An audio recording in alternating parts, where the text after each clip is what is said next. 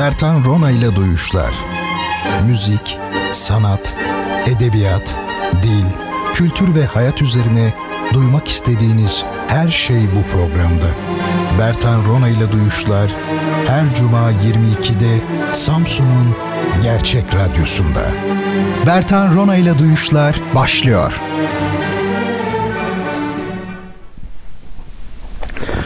Efendim hepinize iyi geceler diliyorum. Bertan Rona ile Duyuşlar Spot'ta da duydunuz. Ee, an itibariyle başlamış bulunmaktadır ve Bertan Rona'yı dinlemektesiniz. Bir haftanın ardından yine sizlerle birlikteyiz.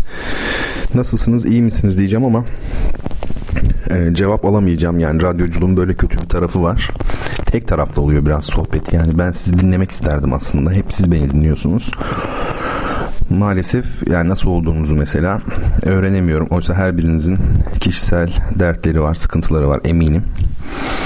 Benim olduğu gibi yani herkesin olduğu gibi onu dinlemekten e, mahrumum. E, böyle bir şey radyoculuk. Yani her mesleğin meslek mi bu bilmiyorum ama her işin öyle diyelim. Ne iştir ne meslektir bunun ayırdığını da iyi yapmak lazım yani.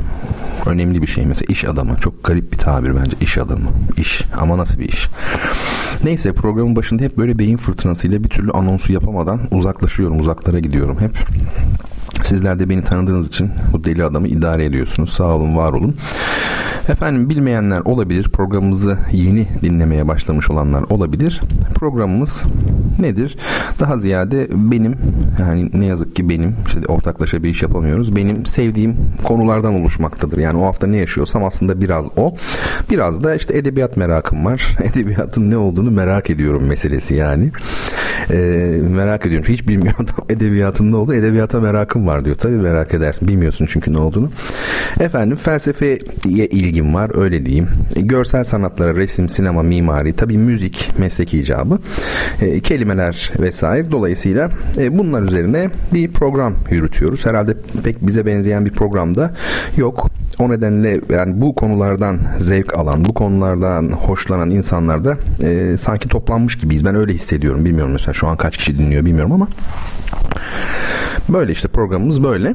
Şimdi bu programı düzgün bir şekilde takip edebilmek için efendim e, ne yazık ki bendenizin Twitter ve Instagram hesaplarını takip etmeniz gerekir. Öyle düşünüyorum. Çünkü e, kitap hediye ediyoruz. Çok mütevazı kitaplar bunlar. E, bu kitapları hediye ederken soru soruyorum. Bu sorunun cevabını e, Twitter üzerinden Bertan Rona hesabı yani az önce bahsettiğim hesap e, mention e, şekliyle yoluyla e, cevabı veren ilk kişi olmanız lazım. O nedenle Bertan Rona'yı Twitter'da bulunuz. Bir de Instagram'da da aynı şekilde yine benim adım ve soyadımdan oluşuyor hesabım. Orada da e, efendim bazı görseller paylaşıyorum ben programla bağlantılı. Diyelim ki bir tarihi eseri inceliyoruz falan. Ondan bahsediyorum ya da sadece söz ediyorum.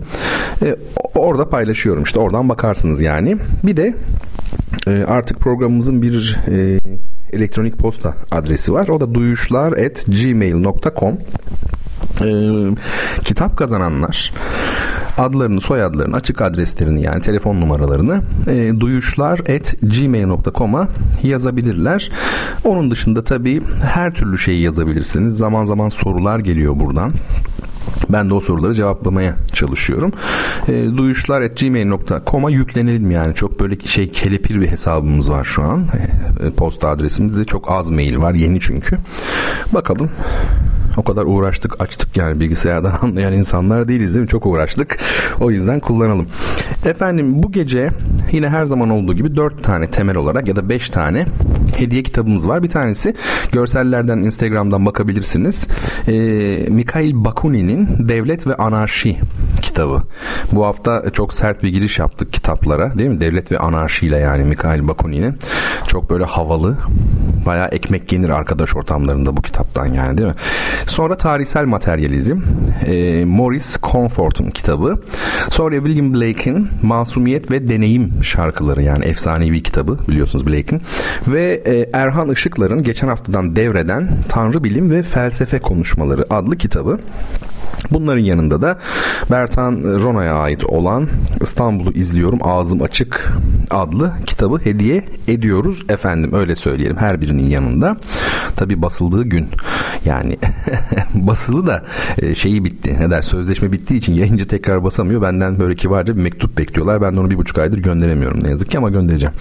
Her hafta aynı şeyi söylüyorum artık utanıyorum yani.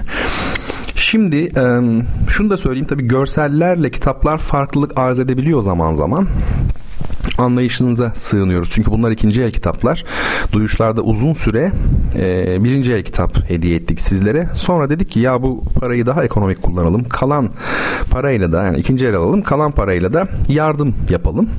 E, sizlerin de buna anlayış göstereceğinizi düşündüm. Gösteriyor musunuz? göstermiyorsanız çok güzel değil mi? Sizlerin de bunu anlayış göstereceğinizi düşündüm falan. Ya göstermiyorsa adam yani değil mi? Belki de bundan dolayı uzaklaşanlar olmuştur. Ne yapalım? Bu bir karar yani. Dolayısıyla e, yani bu nadir kitap gibi platformlardan sipariş ettiğimiz için bazen görsel benim paylaştığım görselle kitap arasında çok nadir de olsa farklılık olabiliyor. Ama aynı kitap sonuçta. Şimdi bu kitapları bize Digivol görüntüleme ve güvenlik sistemleri hediye etmekte. Onun genel müdürü çok sevgili Selçuk Çelik Bey aslında karşılıyor bu kitapları. Ee, bizim tedarikçimiz sanki çok büyük firmaymışız gibi değil mi? Bizim tedarikçimiz kendileri, kitap tedarikçimiz. Sağ olsunlar, var olsunlar. Bize sadece kitap konusunda değil aslında pek çok konuda destek oluyorlar. Yardım kampanyalarında vesaire çok çok teşekkür ediyorum sizler adına Digivol görüntüleme ve güvenlik sistemlerine ve Selçuk Çelik beyefendiye. Ee, çok sevdiğim bir dostum var. Küçük bir dostum 9 yaşında. Sevgili Agah. Ee, Agah'ı buradan kucaklıyorum. Hiçbir programımı kaçırmıyor benim e, Agah. Onu çok seviyorum. Kendisi İstanbul Büyükçekmece'de yaşamakta. E, ve özlediğimi, kendisini özlediğimi ve en kısa zamanda kendisini görmek istediğimi de bilmesini istiyorum Bertan amcasından. Ona çok çok sevgiler, saygılar. Çok da saygı duyduğum bir insan onu da söyleyeyim. Efendim şimdi bizim Tokat kampanyamız var. Ee, Van bitti tamamen bitti ve fotoğraflar ilk fotoğraflar gel, geldi bana. Ee, Van'a ulaşmış kolilerimiz bu harika bir şey. Sadece biraz organizasyon probleminden dolayı belki de birkaç parça e, şeyde üründe eksiklik olmuş. Ya yani onlar atlanmış daha doğrusu. Öyle çok maddi değer olan ürünler değil bunlar. Sadece gözden kaçmış. Onları da hemen bu hafta içerisinde göndereceğiz. Bundan dolayı çok mutluyuz. Şimdi %100 e, konsantrasyonumuzu Tokat kampanyasına yöneltmiş durumdayız artık bugün itibariyle. Zaten Tokat için benim kafamda düşündüğüm sayı kitap sayısının aşağı yukarı yarısını bulmuş durumdayız şu halde bile ama hemen onu hızlandıralım. Ee, sevgili dostlar ne gerekiyor Tokat'taki lisemiz için bir kütüphane e, kurulmakta? E, çok değerli hocalarımızın istekleri Türk klasikleri dünya klasikleri bilim kurgu kitapları tarih içerikli kitaplar güncel roman öykü ve şiir kitapları e, bütün dinleyicilerimden isteğim bu tür kitapları e, ikinci el olur, birinci el olur hiç fark etmez. Kendileri bir yakınları temin edebilir hiç fark etmez. Bunları e, Radyo Gerçek adresine ki okuyacağım birazdan adresi ama zaten internette de var. Radyo Gerçek adresine göndermeleri. Mesela şöyle adresi okuyayım. İstiklal Caddesi No 181 Daire 17 Kılıçdede Mahallesi İlk adım Samsun. Bu adres var şeyde Radyo Gerçek'in sitesinde. Oradan alabilirsiniz. İsim olarak da e, Teoman Aydoğan ya da Emre Punk isimlerinden birine gönderebilirsiniz. Sizden ricam bu. Bir ricam daha var. İçinizde Twitter kullanan pek çok insan var biliyorum. Lütfen Türk klasikleri, dünya klasikleri, bilim kurgu kitapları, tarih içerikli kitaplar ve güncel roman, öykü, şiir kitaplarının e, bir kampanya için gerektiğini belirterek lütfen e, şeyden internetten bulduğunuz radyo gerçeğin adresini de altına yapıştırarak duyurunuz. Lütfen duyurun ben de duyuracağım. E, artık yoğunlaşacağım ona biraz. Bit, zaten dediğim gibi yarılamış durumdayız. Hemen kütüphanemizi kuralım. Kitaplıklarımızı alalım ve gönderelim. Bir an önce yani artık dönemin sonuna doğru geleceğiz neredeyse. Hiç olmazsa bu sezonu bir şekilde kazanmış olalım. Yani e, tutup da ikinci döneme kalmasın. Kitaplık seneye hiç kalmasın. Anlaştık mı? anlaştığımıza inanıyorum. Çok güzel koliler geldi radyoya gelmiş daha doğrusu. Onlar için de çok çok teşekkür ediyorum. Emine Hanım'a çok çok teşekkür ediyorum. Harika e, bir atraksiyon kendisini sergilediği. Şimdi önümüzdeki günlerde ben Twitter'da duyurdum sevgili dinleyenlerim. Bir e, düşünce atölyesi açılacak. E, bu düşünce atölyesinin adını falan duyuracağım. Twitter'da yazdım zaten. Bendenizin de danışman olarak bulunacağı bir düşünce atölyesi. E, zaman içerisinde iyice gelişmekle beraber, gelişecek olmakla beraber başlangıç itibariyle felsefe tarihi, dinler tarihi ve etimoloji. Etimoloji ama kültür tarihiyle bağlantılı etimoloji biliyorsunuz. Yani benim için ben dil bilimci değilim. Dilden ziyade o kelimenin tarihsel serüveni söz konusu. Kültürel tarih açısından. Bu üç e, atölye açılacak öncelikle. Arkasından atölye sayıları artacak. Klasik müzik olabilir. E, bambaşka yerlere gidebilir. Yani 10 atölyeyi bile bulabilir. Ayrıca informasyon grupları bir de tartışma grupları olacak. Yani bir aforizmayı tartışmak ya da bir kısa metni tartışmak ya da bir filmi tartışmak ya da bir resmi bir görseli tartışmak olabilir. İnformatik grupları da şöyle mesela dil ile mülkiyet arasında bir ilişki var mı? Yani daha doğrusu dilin içerisinde e, mülkiyet kavramıyla bağlantılı olarak değerlendirebileceğimiz göndermeler var mı? Katılımcılar isterlerse sözlüklere bakacaklar, isterlerse gündelik hayatlarında denk geldikleri cümlelere, kelimelere, bazen vurgulara, mimiklere, jestlere bakacaklar. Onlar da dilin parçası çünkü. Ve bunları her e, ders ortaya koyarak e, bir belki broşür haline getireceğiz. Belki bir kitap, belki de ortak isimle basacağız. E, dediğim gibi benim e, danışmanlığımda olacak. Bu, bunu şimdiden duyuruyorum. Benim bildiğim kadarıyla 1 Şubat tarihi itibariyle dersler başlayacak. Atölye. Gerçi bu daha çok bir şey gibi birlikte bir şeyi yapmak. Yani o yüzden atölye zaten. Bunu hepinize duyurmak istiyorum. Yine Twitter'dan paylaşacağım. Ee, geçen hafta e, programın hemen ardından İstanbul'daydım. Bu arada program da yani maşallah artık böyle her hafta bir yerden yapılmaya başlandı. Önceki hafta e, bir önceki yani hafta Trabzon'daydım. Sonra oradan yaptım programı. Sonra Ankara, Ankara'dan yaptım. Sonra İstanbul, İstanbul'dan yaptım. Bugün Giresun. Bakalım haftaya neresi olacak. Güzel bir şey bu. Türkiye'nin her şehrinden yapmak isterim. Ee, İstanbul Medeniyet Üniversitesi Edebiyat Topluluğundan arkadaşlarla bir araya geldim cumartesi günü. Aslında onlarla ilk görüşmemiz okullarında olmuştu, üniversitede olmuştu ama ikincisi cumartesiye denk geldiği için Üsküdar'da böyle cici bir e, kafede buluştuk ama sohbetti tabii ki bu. Konu yine her zaman olduğu gibi edebiyattı. E, ben tabii şeytanın avukatlığını yapıyorum biraz. E, çok çılgın şeyler söylüyorum. Onlar da bana deli muamelesi yapmıyor. Ya Bertan Hoca iyidir filan diyorlar. Bir şey söylüyorsa bir sebebi de vardır filan diyerek dikkatli dinliyorlar. Yoksa dinlenecek gibi değil yani benim söylediklerim. E, orada Meryem Betül Koçak'la beraberdik. Özlem Özkan'la beraberdik. Zehra Nur Sakin'le beraberdik. Çıktıktan sonra da güzel böyle bir e, yemek yedik, sohbet ettik birlikte.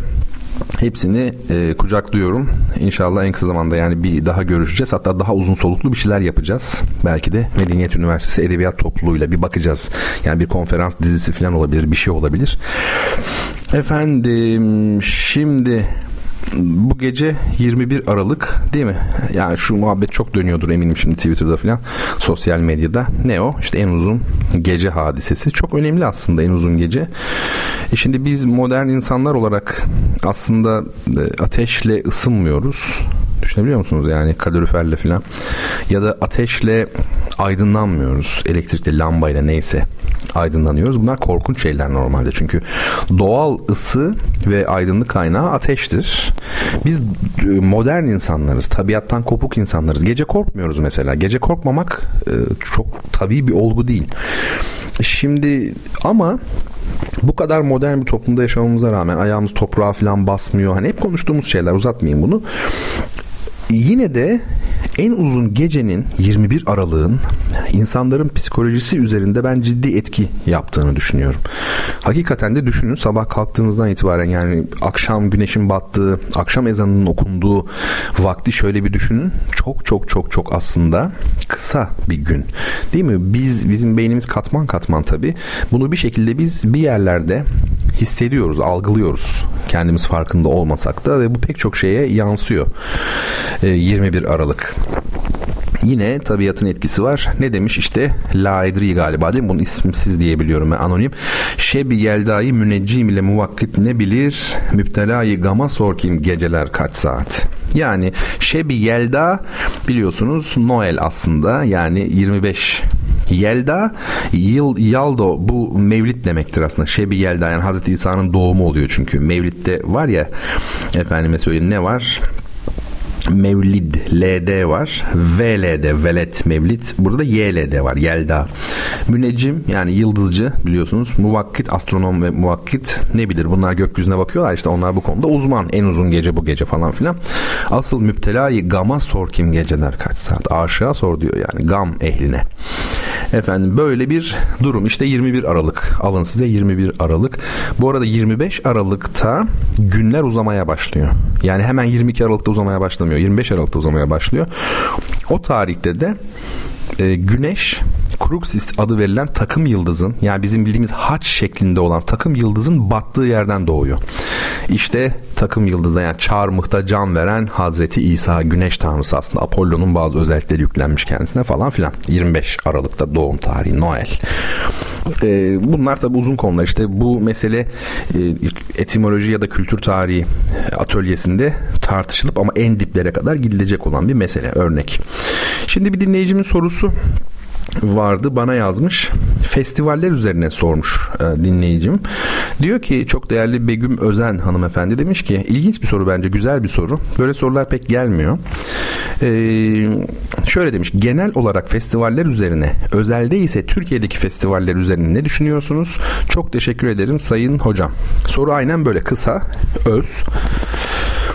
Şimdi e, yani bunlar şeyi radyo programının çok aşan e, konular. Yani zaman ister bunların açıklanması. Ama çok çok kısa söyleyeceğim yine. Bence dünyanın ademi merkeziyetçiliğe ihtiyacı var merkezden yönetime değil de e, yerinden yönetime ihtiyacı var. Her alanda böyle. Otonomiye tabii bu manada. Yani kendi kanununu kendi koyma ya ihtiyacı var. Çünkü tek bir merkezden baktığınızda onun sorunlarını göremiyorsunuz. Ben yıllarca mesela operada çalıştım. E şimdi operada genel müdürlükten bütün altı operayı yönetmeye kalkıyorsunuz. Ya Antalya Operası'nın sorunlarını genel müdürlük nasıl bilebilir? Onu ancak Antalya Operası bilebilir daha kapsamlı olarak. Örnek veriyorum. Dolayısıyla bu manada otonomi bence iyi. Yerinden yönetim güzel. Bir de e, hani bugün Bakunin'in Devlet ve Anarşi kitabını hediye ediyoruz madem. E, dünyada geçici doğrudan demokrasi bölgeleri adı verilen bir kavram var. Bu günümüz anarşist edebiyatının e, efendim felsefesinin tartıştığı bir şey. Geçici doğrudan demokrasi bölgeleri. Yani e, temsili demokrasi yerine doğrudan demokrasiyi öneriyor ve onu da geçici olmakla sınırlandırıyor. Yani doğrudan demokrasi de sürekli dağıtılacak, lağvedilerek yeniden kurulacak. Böylelikle o işte hani gücün verdiği zehirlenmeden de kurtulma gibi bir şeyi var, e, önerisi var. Dünyanın bir de neye ihtiyacı var? Plastik olana ihtiyacı var bence. Plastik ne demek? Tabii şekil verilebilir demek ama ben insan için söylüyorum. Yani dans etmeye ihtiyacı var e, insanlığın. Biraz Dionysosçu olmaya ihtiyacı var. Yani Nietzsche'nin kavramsallaştırmasıyla söylersek e, Apolloncu olmaya değil. E, mesela caz müziğine ihtiyacı var. Klasik müziğe değil. Yani klasik müzik akıl işi, hesap işi. Caz daha plastik, daha kendiliğinden. Ee, sonra dünya tabii çok yazılı e, bir kültür dominasyonu altında. Onun yerine sözlü kültüre çok ihtiyaç var. E, bunu uzatabiliriz bu listeyi. Bu bağlamda şimdi bunların festivalle ne ilişkisi var? Ben daha çok tabii karnaval gibi düşünüyorum belki ama çok önemli işte. İnsanların sosyalleşmesi yani televizyon izleyerek yakınlaşmaya çalışmak değil festivallerde, karnavallarda bir arada olabilmek. Bu önemli. Yani bu bizi işte eski Dionysos ayinlerine götürebilir. çok affedersiniz. Yani e, insanların aklı bir tarafa bırakıp daha çok duyusal olana, ampirik olana yönelmeleridir çünkü bir anlamda karnavallar ve festivaller. Sadece böyle olsun demiyorum ama dünya çok tek taraflı gittiği için bununla dengelenmeli diye düşünüyorum. Ha dengelenecek mi? Tabii ki dengelenmeyecek. Yani şey, saf değilim yani. Bunun yapılmayacağını biliyorum. Bu sistemde imkansız yani ama olsa güzel olur. E, şimdi Türkiye'deki festivallere gelince ben bu festivallerin tamamını bilmiyorum. Ne yazık ki. Yani mesela tiyatro festivallerini takip edemiyorum. Ya çok utanç verici bir şey belki de. Belki de değil. Bilmiyorum. Bu konularda gittikçe lümpenleşiyorum. Kitap okumuyorum, festivalleri falan takip etmiyorum. E, yani bilmiyorum açıkçası. Yalan olur çünkü. Şimdi Türkiye'deki bütün festivalleri iyi bildiğimi söylersem. Ama müzik festivallerini ve özellikle de opera festivallerini iyi bildiğimi söyleyebilirim. E, çünkü e, opera camiasının içinde yıllarca bulundum. Bir de birçoğuna katıldım. Yani İstanbul Opera Festivali olsun, Aspendos olsun, diğerleri olsun. Şimdi Türkiye'deki uluslararası festivallerde bazı sıkıntılar var bana kalırsa. Çok uzun bir konu ama kısaca söyleyeyim size. Mesela Aspendos biliyorsunuz opera festivali. E, Aspendos'u düzenleyenler değerli hocalarımız yanlış anlaşılmasın tabii ki onların emeğine, vizyonuna saygım sonsuz. E, şöyle yani her şeye rağmen Aspendos yine de olmalıdır diyorum ben de genel olarak ama şimdi içine baktığımızda Aspendos'un her yıl Antalya'da Aspendos'ta işte bir festival düzenleniyor. Türkiye'deki operalar bu festivale tırlarla gidiyor. Düşünebiliyor musunuz? Büyük büyük eserler yapıyor her biri ve tırın içerisinde dekor var, kostüm var filan şu bu. Bütün sanatçılar belki operada 100 kişi, 150 kişi, 200 kişi teknik ekiple beraber koro, orkestra filan herkes işte uçaklarla uçuyor. Efendime söyleyeyim orada onların konaklaması var Antalya'da otellerde. Siz ortaya çıkan rakamı bir düşünün. Şimdi ve bunu biz ne yap niçin yapıyoruz? Ne uğurda yapıyoruz? Yani dünya hani ilgi göstersin sanki yaz aylarında falan bir de yapıyoruz mesela. Hani oluyor ya Monaco'da bilmem ne festivali Jet Society geliyor ilgi odağı falan filan. Peki Antalya'ya kim geliyor? Şimdi yurt dışından Türkiye'ye gelenlere bir böyle form dolduruluyor biliyor musunuz? Onu hiç gördünüz mü? O formda her şey var. Kim oldukları, adı soyadı, şu mesleği falan. Böyle soruyoruz yani o adamlara. Şimdi biliyor musunuz? Onlar alınıp mesela incelense festival Aspendos Festivali'ne gelenlerin meslek grupları şöyle çıkar. Avrupalılardan bahsediyorum. Berber, su tesisatçısı, efendime söyleyeyim yani bu gibi meslekler. E, tamirci. Şimdi bunlar çok saygın meslekler tabii. İnsanlar emekleriyle hayatlarını kazanıyorlar. Bundan daha saygıdeğer bir şey yoktur benim gözümde. Ama şunu demek istiyorum. O hani hayal edilen sanki böyle çok opera e, hakim, kültürlü falan dinleyici gelmiyor. Adam aslında kim biliyor musunuz? Antalya'ya tatile gelmiş cebindeki parayla Manchester'dan gelmiş. İşçi adam fabrikada belki de. Ha, gelmişken burada opera da dinleyeyim diyor. E, çünkü gerçek opera dinleyicisi, Avrupalı opera dinleyicisi Antalya'ya opera dinlemek için gelmez. Yani kendimizi kandırmayalım. Dolayısıyla acaba bu hedef yani bu uğurda biz pek çok harcama yapıyoruz yani. Ne işte Türkiye'nin tanıtımı, Avrupalılar gelsin falan opera. Yani bu hedef e, yerini buluyor mu? İşte ben de bulmadığını düşünüyorum. Anlatabiliyor muyum? O yüzden e, festivaller iyi organize edilmedi. Bir de şunu söyleyeyim. Bu e, çok önemli. Eee e, mesela şimdi festivali aslında devlet ya da genel müdürlük yapmaz. Şimdi sorsam size kim yapar diye keşke radyo programında değil söyleşide beraber olsak festivali belediye yapar belediye Bak yani yerel yönetim dedim ya yerinden yönetim. Belediye devlet değildir. Belediye başka bir kavram. O bölgede oturan insanların sık sık gittiği işte muhtarlığıdır. Muhtarlık başka ama örnek veriyorum yani işte o aile hekimliği falan Amerika'daki sistem gibi belki çoğu yerde iç Amerika'daki e, belediyenin e, aslında yapması lazım. Şimdi tabii mesela Eskişehir'de opera festivali yapılıyor. O mesela ona da katıldım ben. Orada belediye tabii düzenliyor. O çok mesela çok ilginç. Belediyenin düzenlediğine Eskişehir Opera ve Bale Günleri demişler. Diğerleri belediyeler düzenlemiyor.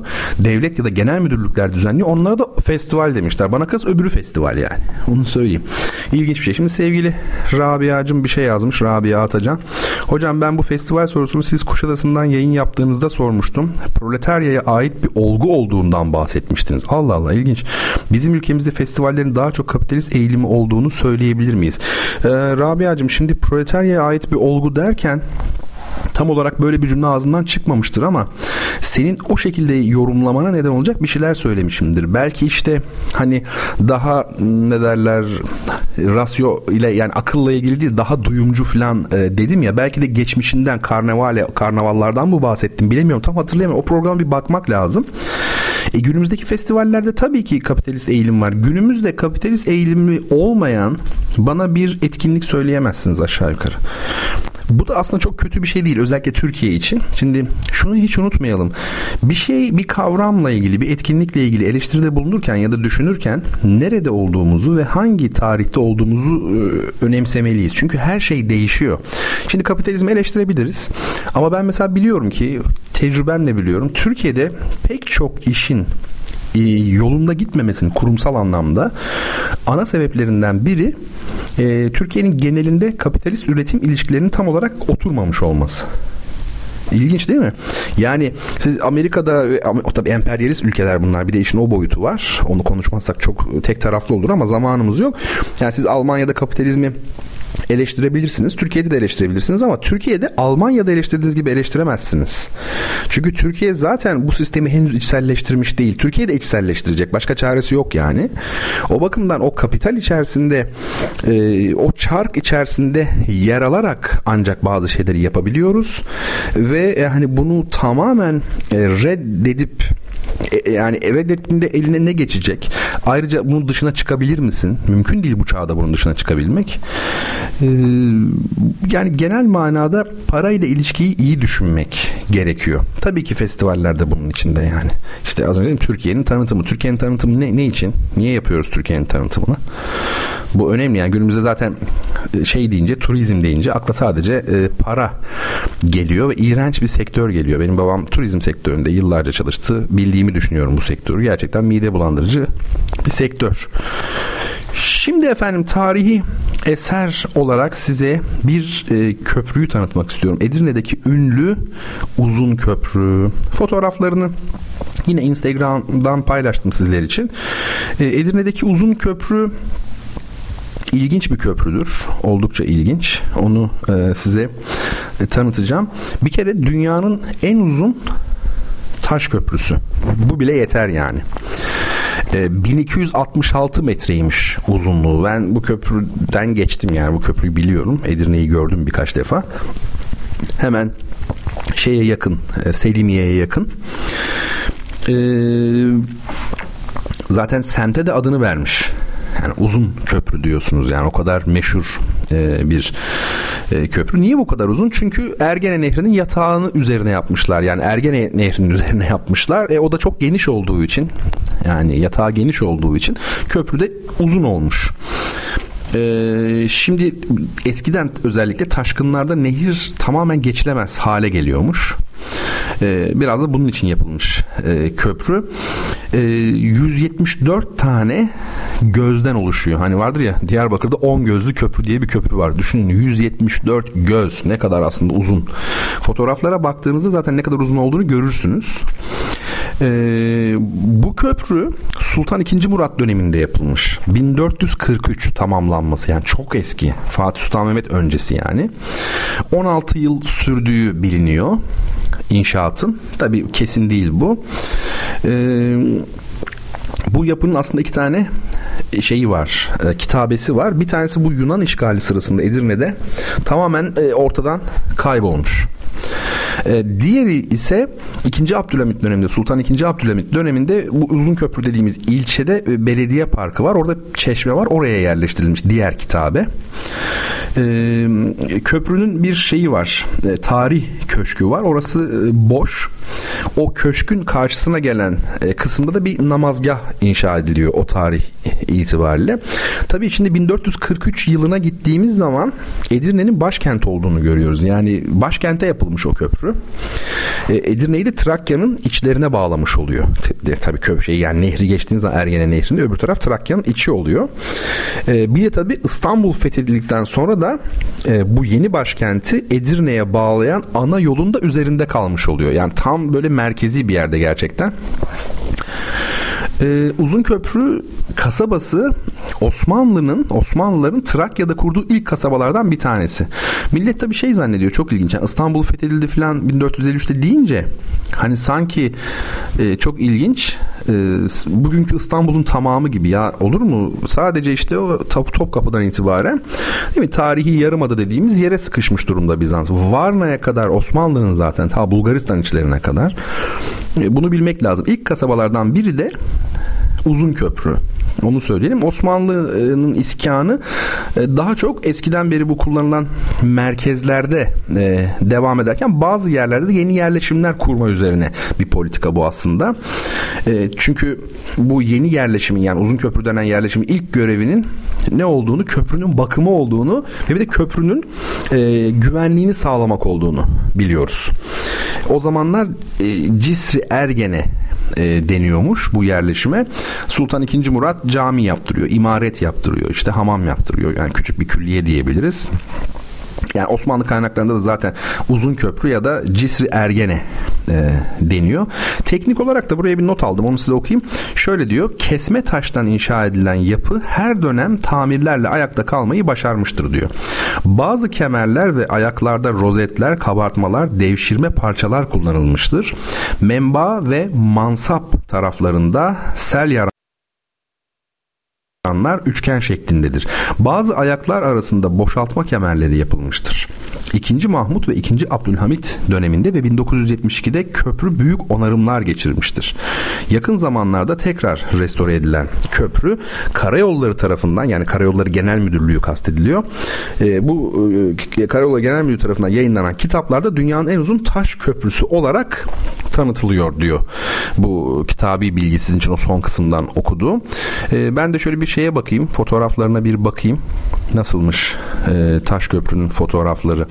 Evet bakın ilk fotoğrafta arkada zaten Selimiye görünüyor. Selimiye'yi her yerden görebilirsiniz. Bu minare yapısıyla özellikle çok belirgin kubbesiyle, rengiyle, her şeyiyle. Köprünün bu uç kısmı çok da hoş yani. İşte köprünün uzunluğunu hissettiğiniz fotoğraflardan biri ikinci fotoğraf. Üçüncü fotoğraf da çok güzel. İnternetten buldum bunları. Aslında hepsini ben çekmiştim kendimde ama şimdi o hard diskin içinde bulamadım. Yani ne yalan söyleyeyim üşendim. Üşendim değil de zamanım yani yok o kadar uzun bakamadım. Ee, belki hani haftaya falan bulursam geriye dönüp paylaşırım sizinle. Yine bir başka fotoğraf ve en son fotoğraf bu baharda çekilmiş olan yemyeşil değil mi? Ee, düzlük üzerinde. Burada köprünün uzunluğunu anlıyorsunuz. E 1443'ten bahsediyoruz ve köprünün uzunluğuna bakın. Bu bayağı Roma dönemi eserleri gibi herhalde o dönem için ihtişamlı yani. Bunu söyleyelim. Şimdi efendim ne yapalım? Ee, Fatih Çelik çok sevgili Fatih demiş ki hocam ilerleyen programlarda destanlardan ve müziğin tarihinden bahsetseniz nasıl olur? Olur müzik tarihi üzerine de biraz konuşabiliriz. Zaten biliyorsunuz duyuşlarda bir genel gidiyoruz. Bir de böyle e, şeylerimiz var. Konularımız oluyor mesela işte felsefe tarihi ya da enstrümanlar şeyler de olabilir. Müzik tarihi de olabilir. Bir de ona başlarız mesela. Ben bunu şey yapayım bir not alayım sevgili Fatih. Evet not aldım. Bunu ilerleyen programlarda bir düşünelim. Bakalım. Nasıl asayiş Berkemal mi gidiyor muyuz? Peki. Şimdi müzik dinleyeceğiz biraz. Bu müzik şöyle söyleyeyim yıllar evvel 1998'de konservatuarda talebeyim. Ee, her hafta cuma akşamları İzmir Devlet Senfoni Orkestrası'nın konserine gidiyoruz. Konserde ya bir kemancı oluyor solist ya bir piyanist oluyor, violonselci oluyor. Büyük bir orkestra şefi geliyor falan. Biz de tabii böyle mutlu bir şekilde kendimizden geçercesine dinliyoruz. Natalia Trull diye bir piyanist gelmişti. Şimdi nerededir ne yapıyordur bilmiyorum. Çok zarif bir hanım böyle. Rus çok iyi piyanist. Beethoven'ın 3. piyano konçertosunu çalmıştı hiç unutmuyorum. Neyse Bittikten sonra çok alkış aldı. Hani bis yapmak denir ya. Hani alkış üzerine küçük bir parça daha çalıyor orkestrasız yani solo.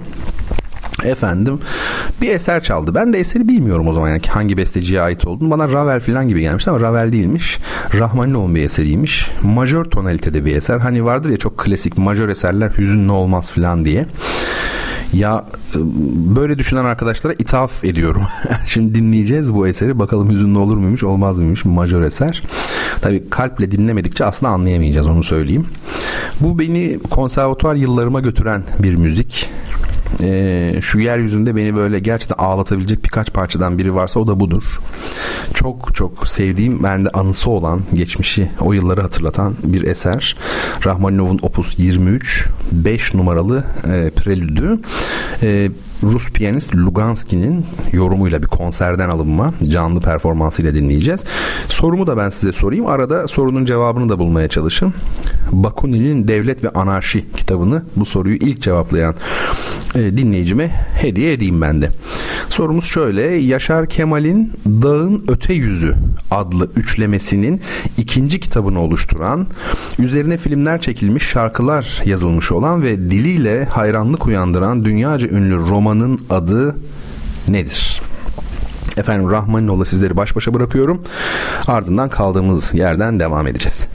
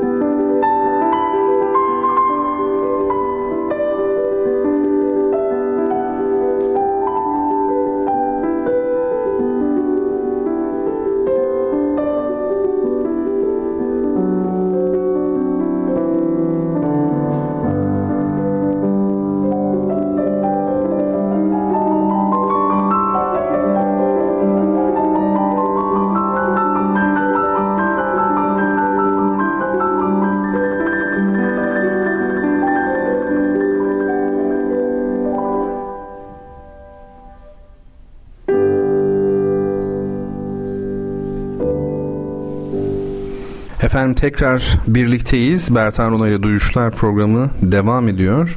Az önce Rahmaninov'un Opus 32 preludelerinden 5 numarayı dinlediniz. Çok hoş değil mi gerçekten? Büyüleyici tek kelimeyle. Ee, güzel bir müzik. Şimdi e, sorunun cevabını verelim. Sizlere neyi sormuştum? Ee, Yaşar Kemal'in Dağın Öte Yüzü adlı üçlemesinin ikinci kitabını sormuştum. Olağanüstü bir dili vardır gerçekten. E, hayatımda aldığım zevkten dolayı yarım bıraktığım tek kitaptır. Yani bu bitmemeli dedim. 450 sayfaydı hiç unutmuyorum. 225'te bıraktım yani. Böyle bir şey olabilir mi? Yerdemir Gökbakır tabii ki. Doğru cevabı veren sevgili dinleyicimize bir bakalım. Benim gördüğüm kadarıyla Fatih Çelik. Sevgili Fatih Bizde muhtemelen vardır adresin ama sen yine gönder istersen. Öyle zannediyorum ki bu program kitap kazanma şansı en yüksek program çünkü dinleyicisi çok az olduğu için değil mi? Yani ihtimal yüksek oluyor. Peki şimdi sevgili Enes Bey demiş ki hocam uzun köprüde askerlik yaptım. Uzun köprünün neden bu kadar uzun yapıldığını ve neden bu kadar gözü olduğunu merak ederdim. Çünkü ilk gördüğümde sadece en geniş gözünden Ergene Nehri cılız akıyordu. Ta ki nehrin taşıp da en ucundaki göze kadar suların geldiğini görene kadar. Evet Osmanlı da görmüş bunu demek ki e, yapmış köprüyü. Merve Hanım demiş ki selamlar Bertan Bey iyi yayınlar dilerim teşekkür ederiz efendim ama en çok selam sevdiceğim Faruk'a demiş. Peki biz de Faruk Bey'e selamınızı iletelim üzerimizde kalmasın. Ve cevap veren herkese teşekkür ediyorum. Sevgili Özlem'den atak bekliyorum. Özlemcim atak yani sana kitap hediye etmek istiyorum. Bak şu an kaçıncı cevap vermişsin? 1, 2, 3, 4, 5. Sen en hızlı olmalısın yani. O yüzden hadi bakalım e, göreyim. Bu Dağın Öte Yüzü üçlemesi galiba şeydi değil mi? Orta direk birinci kitap. Bir tanesi Yerdemir Gökbakır. Üçüncüyü hatırlayamadım neyse. Peki şimdi devam edelim sevgili dinleyenlerim. Derste de böyle uzattığım zaman öğrencilerim anlıyor yani ha belli bir konuya geldik filan bitirdik burayı gibi. Şimdi size bir kitap tanıtayım. Bu kitap Oyunun Ontolojisi. Çok böyle afili bir ismi var değil mi yani gösterişli kabul ediyor. Ontoloji falan çok moda ya. Televizyonda böyle siyasi yorumlar yapan gazeteciler oluyor ya sürekli aynı kanallarda hep aynı tipler falan. Şöyle bakıyorum. Ontoloji falan gibi birkaç kelime var. Bunları dillerine dolamışlar. Onları söylediğiniz zaman makbul oluyorsunuz siz yani değil mi? Hafif felsefeyle de falan tanışık. Ne yapsa onlar da oradan ekmek yiyor evladı iyal var. Eskilerin dediği gibi yani aile var, çocuklar var filan ama insan daha namuslu olarak da e, ailesini geçindirebilir. E, oyun ilginç bir şey. Yani oyunla sanat arasında çok ciddi bir benzerlik var. Bu benzerlik pek çok düşünürün ilgisini çekmiştir. Mesela en ünlüsü Schiller. Biliyorsunuz Schiller ne diyor? İnsan oynadığı yerde tüm bir insandır demiş. Yani oynadığında tam bir insan olur diyor. Hani homo bilmem ne, homo erectus, homo şu. Bu da oynayan insan yani. Efendim ben tabi sanatla oyun arasında ki benzerliğin e, esas vurgu noktasının amacı kendinde olmak yani autotelos denilen şey var ya yani sanatta da sanatın amacı kendisidir yani Mozart'ın 40. senfonisini herhangi bir şey için dinlemiyorsunuz değil mi yani salt zevk için yani pratik bir karşılığı yok diyelim. Oyun da öyle ancak bu onları e, aslında yakınlaştırıyor mu uzaklaştırıyor mu? Bence iki kavram oyunla sanat birbirinden e, çok uzak. Yani çünkü oyun tamamen spekülatif imajlarla ilgilenirken sanat dediğimiz şey hakikatin özüne sokulma çabasında. Çünkü bir soyutlama. Ne demek soyutlama? Siz soyutlama yaptığınızda aslında belki e, çok somut olarak e, çalışabileceğiniz daha doğrusu somut çalıştığınızda elde edebileceğiniz sonucun çok daha ötesine geçiyorsunuz soyutlamayla. O bakımdan sanatın derdi hakikattir gerçek sanatın, yüksek sanatın. E, oyunda e, böyle bir tabii şey yok. E, kaygı yok. Bu kitabın yazarı Yücel Dursun. Ben bu kitabı okumadım. Yani yalan söylemiş olurum okuduğumu söylersem. Ya her kitabı da ben e, şey yapmayayım, okumayayım zaten. Yani okuduğum kitapları önermeyeyim. Bunu kendime de öneriyorum. Yani beraber hep beraber bakalım. İşte ben de okuyayım, siz de okuyun. Ondan sonra ne anladıysak, ne anlamadıysak birbirimize söyleriz. Şöyle diyor kitabın içinde Yücel Dursun tanıtıyor. 91'de Hacettepe Üniversitesi Bilgisayar Mühendisliğinden mezun olmuş. 2001'de yine Hacettepe'nin felsefe bölümünden yüksek lisans, 2008'de felsefe doktoru unvanını almış. Yani felsefe e, şeyi yani doktoru. E, 2011 yılında da ÜAK ne ya? ÜAK bilen var mı? Ü TÜBİTAK falan değil değil mi? Ü, diyor. Neyse o. Doçent unvanına üniversiteler arası kurul. Yazıklar olsun bana öğretim üyesiyim üniversitede ÜAK'yi ilk defa duyuyorum. Üniversite arası kurul. Çünkü bu kuruldan alıyorsunuz doçent unvanınızı. Unvanlarla ne kadar alakam olmadığını anladık. E, halen Ankara Üniversitesi Dil Tarih Coğrafya Fakültesi Felsefe bölümünde öğretim üyesiymiş. E, Yücel Dursun'un bir çeviri ve bir telif olmak üzere iki kitabı varmış ve felsefe alanında ulusal ve uluslararası dergilerde yayınlanmış birçok makalesi varmış. Okey. Yazar şu sıralar çağdaş Fransız felsefesi, klasik Alman idealizmi, birin iki ile ilişkisi, nasıl ama başlık, birin iki ile ilişkisi, oyun, matematik felsefesi gibi alanlar ve konularda yoğunlukla çalışmaktaymış. Şimdi kitabın ben bir arkasını okuyayım size. Bu tabii yazarı tanıtmış oldum ben. Ee, yazarımız e, Yücel Dursun. Doğu Batı yayınlarından çıkmış bir kitap bu.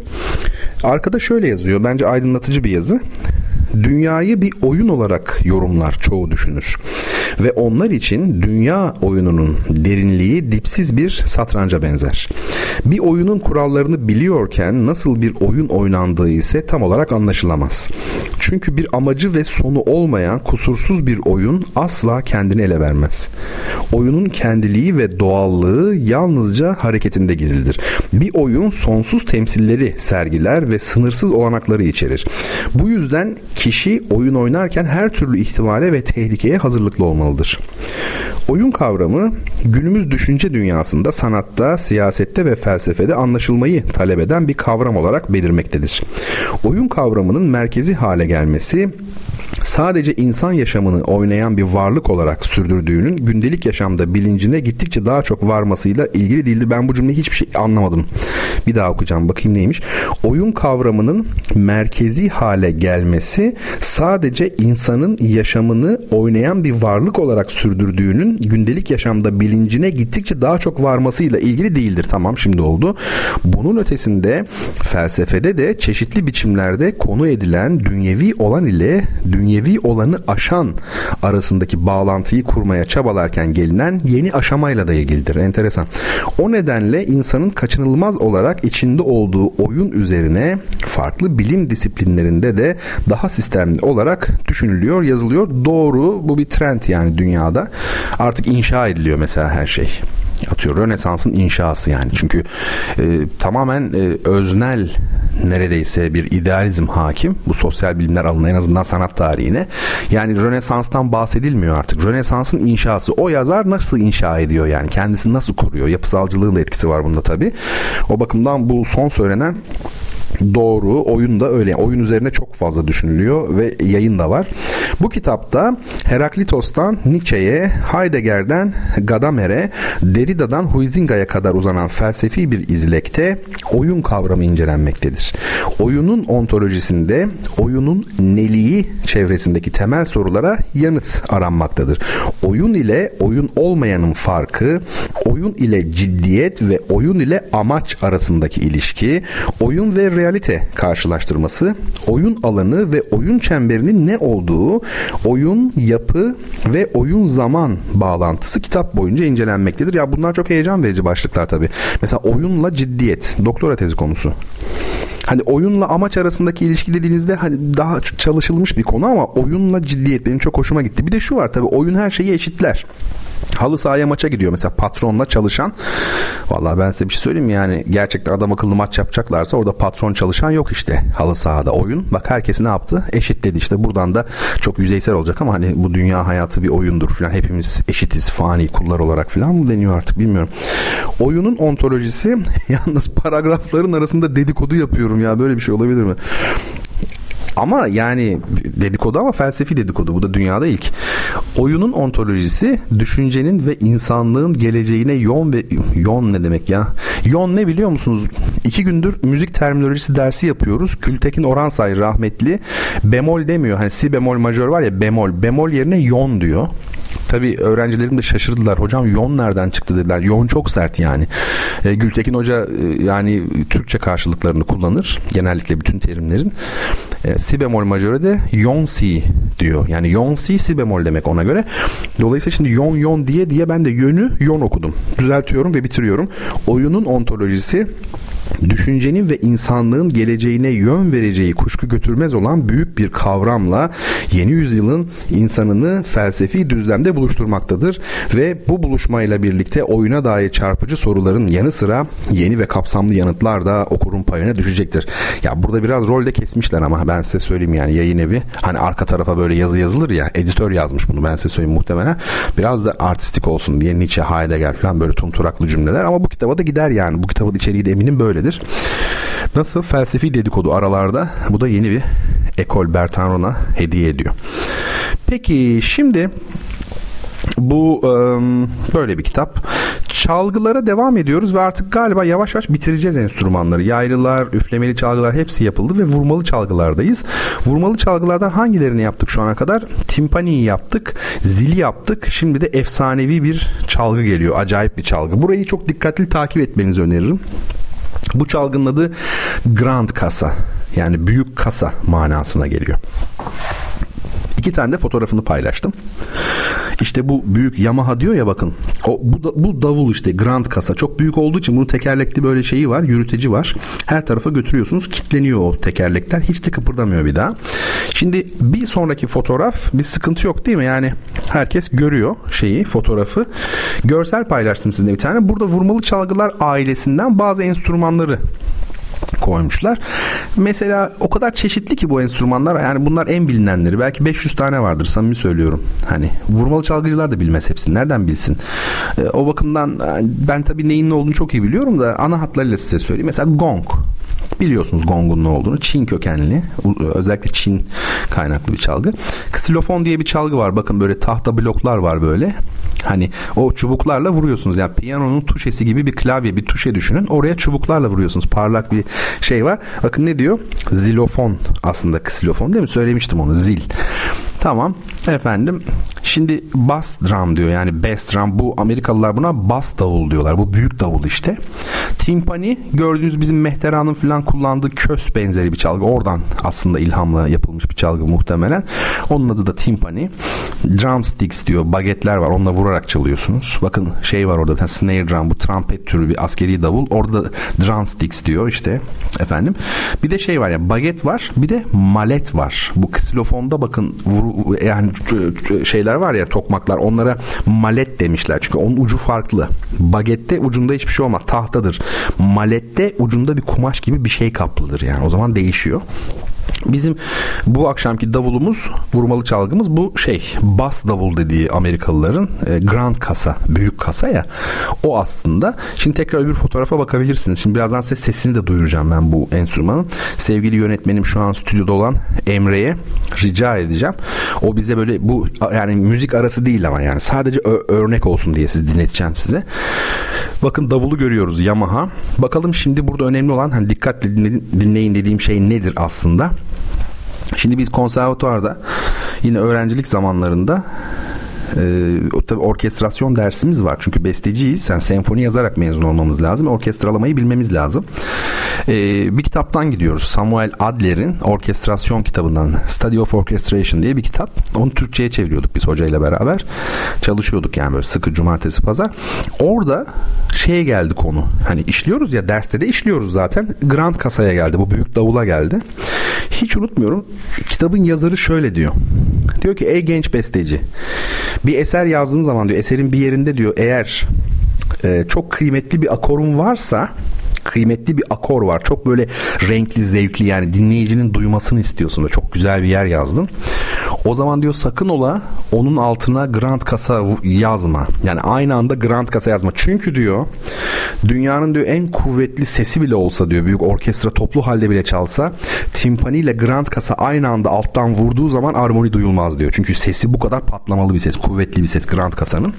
Tabii şimdi bizim normal davulumuz var ya halk müziği davulu. Bakın zaten benziyor ama adamlar teknik olarak çok üzerine koydukları için bu çalgıda kullanılan artık deri mi efendime söyleyeyim nasıl bir şeyse e, akustiği ses çok volümlü çıkıyor.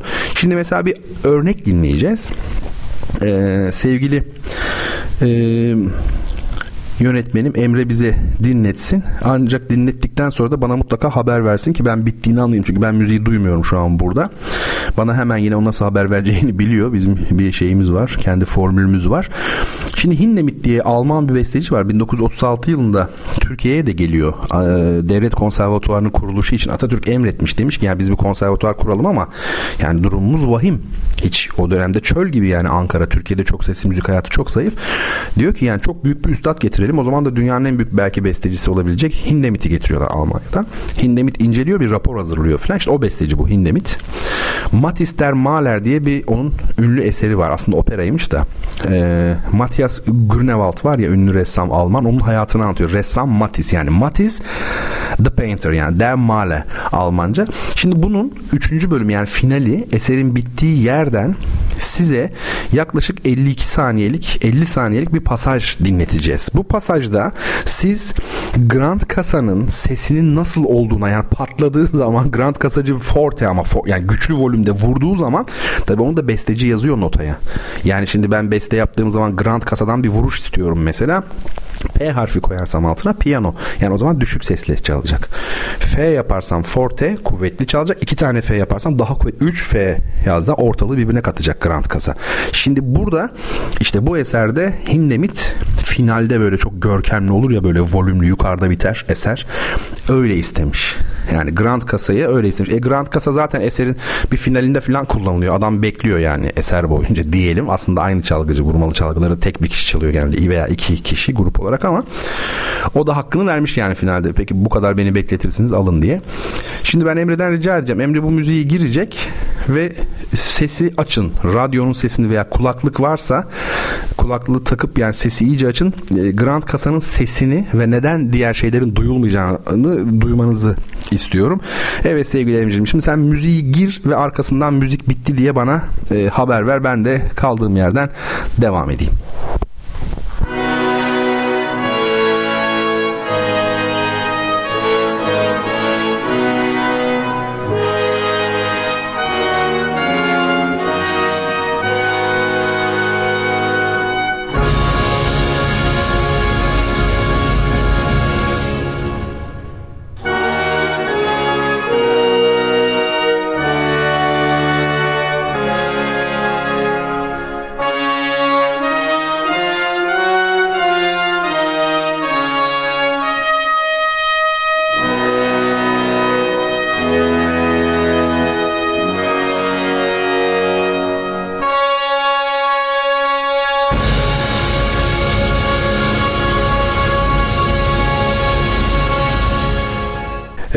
Evet sevgili dinleyicilerim sağır oldunuz mu bilmiyorum.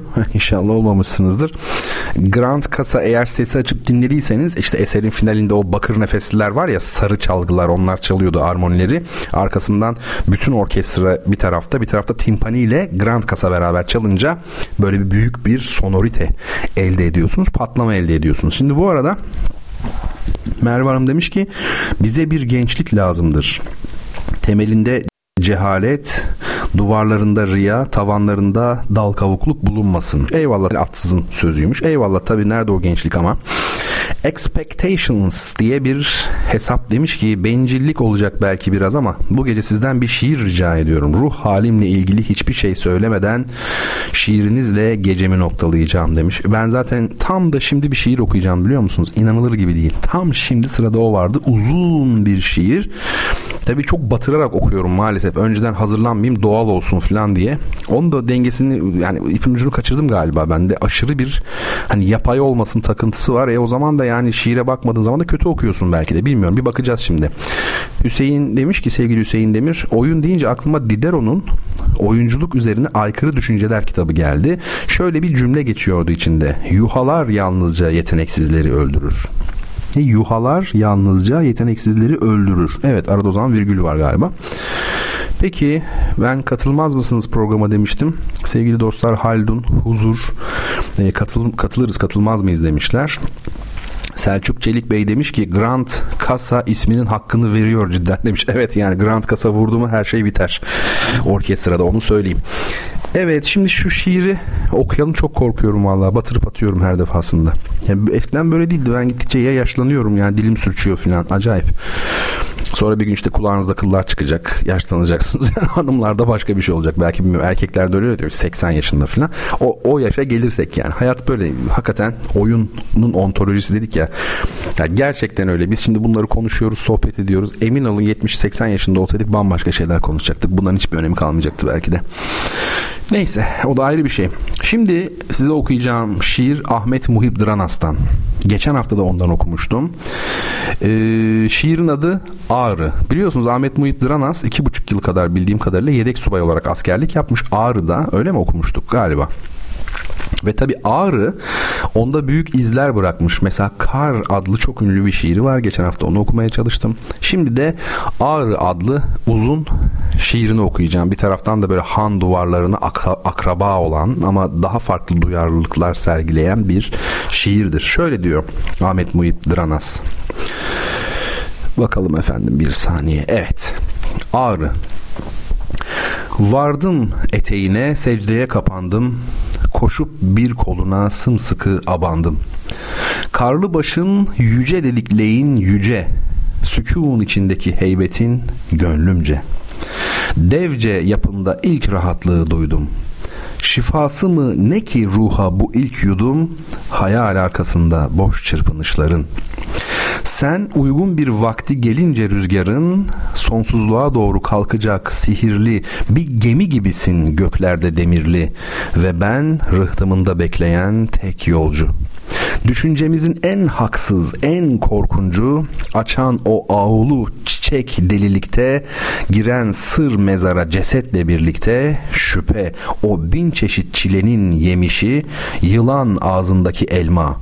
Ey ateşi en derin yerinde gizli gizli yanan, Seyrediyor ruhum kar balkonlarından insanın göresiz olmaz manzarayı ve aklın o uçsuz bucaksız sarayı yıkılıyor. Duygu bir kartal hızı ile fırlıyor engine sevinç avazı ile.'' Bulutlar ne güzel bulutlardır onlar. Hep öyle başımın üstünde dursunlar. Menekşe rengi, kan rengi, toprak rengi.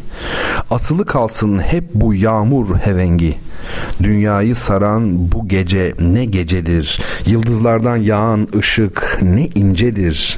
Yansın o yıldızlar bitinceye kadar en derin uykular, en tatlı uykular.'' Ey gök perdelere şahlanan tanrısal eteklerindeyiz işte ve bir masal içinden gelmişiz sana atlı yaya attığımız okta kısmeti bulmaya. Yitik perişandır elbet bencileyin pişmanlığa ırgat olup geceleyin günle bahtın çağrısına koşan kişi ah iç sıkıntısı sen ettin bu işi.'' Zevk o yosma kadın eski bir bahçede ayaküstü günah işlenen gecede bir susuzluk kadehi sunmuştu bana. Yüzümü maskesiz gösteren ilk ayna.'' Yel alsın götürsün bütün o geçmişi, büyülü kadehin zehrinden içmişi, serin yalanında kandırmaz her pınar.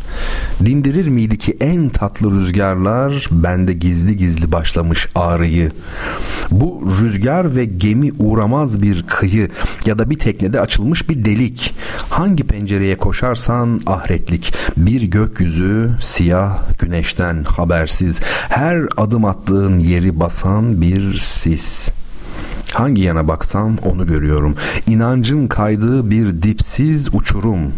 Günah kapılarının aralandığı, tanrıların bile avaralandığı şaşkın çaresiz bir insan kaderince.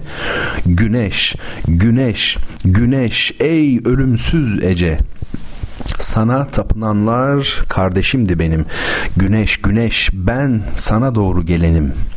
Kucakla beni tanrıça, sev, sar beni. En yırtıcı, en aç hayvanların ini, içimin göz görmez mağaralarına gir. Senin girmediğin yerde haset, kibir, dert, kin, yalan, ölüm, korku ve işkence, çakal seslerinden örülmüş bir gece, teneşir başında oynaşan çirkinler, engerek düğümü doğuran gelinler, zina şöleninde beynin nöbet, nöbet, cehennem halayı çeken bir iskelet ve yaprak indiren ağaçlar baharda. Senin bağışından yoksun kucaklarda çocuklar kertenkeleyle bir biçimde. Ağrıya eş bir dağ olsaydı içimde. İlkin şu gönlüme doğardın her sabah Daha her yer geceyken sarardın Gümrah sarı saçlarınla benim varlığımı Kendimde taşırdım kendi taptığımı Ağrıya eş yüce bir dağ yok içimde Ne kadar cüceyim dert ve sevincimde Kaplamış gözümün gördüğü her ufku umutsuz zifiri bir gece bir korku. Ah yazık ki bütün insanlık güneşsiz. Ey ateş nasıl da seni yitirmişiz. Bu yalnız inilti esen manzaradan bir çaresiz aydır sallanan aradan. Işık tuttuğu her şey bir taze yara. Onmaz bu gece. Bırak karanlıklara.'' Can yiğitliğini yitirmiş, kalp aşkı, ilenişlerinden insanın bir şarkı tutmuş dört yanı, bir çirkin ağıt eski.'' Ah güç de değildi bahtiyarlık belki. Üstümüzde deniz gibi bir gökyüzü. Bir şemsiye gibi açtı mı gündüzü? Altında her kalbe esenlik payı var. Bizimdir yelken açmış giden bulutlar. Vurup alnımıza serin gölgesini. Bizimdir bu koku, bu renk dolu sini. Üstünde seslerle ışıklar kamaşan. Bizimdir bu zafer, bu beste ve bu şan. Şu aydın, ferah ve rahat gök altında her kazazedenin müjdesi bir ada. Her gülüşe ayna bir gölek kenarı, koparırken elin taze meyveleri öyle kolaydı ki yaşıyorum demek. Soframıza konmuş bu doyulmaz yemek niçin bir zehirli kaşıkla yenmedi? Ağrı başına boz bulutlar inmede. Ne ki bu cendere, ne ki bu sonsuzluk, bu köpüren sular ve geçmez susuzluk. Kim şu vurulmuş yatan ova boyunca bir kan çeşmesine açık durup avcu? Çile pazarında cana pey sürümü çözmek mi istemiş o çetin düğümü?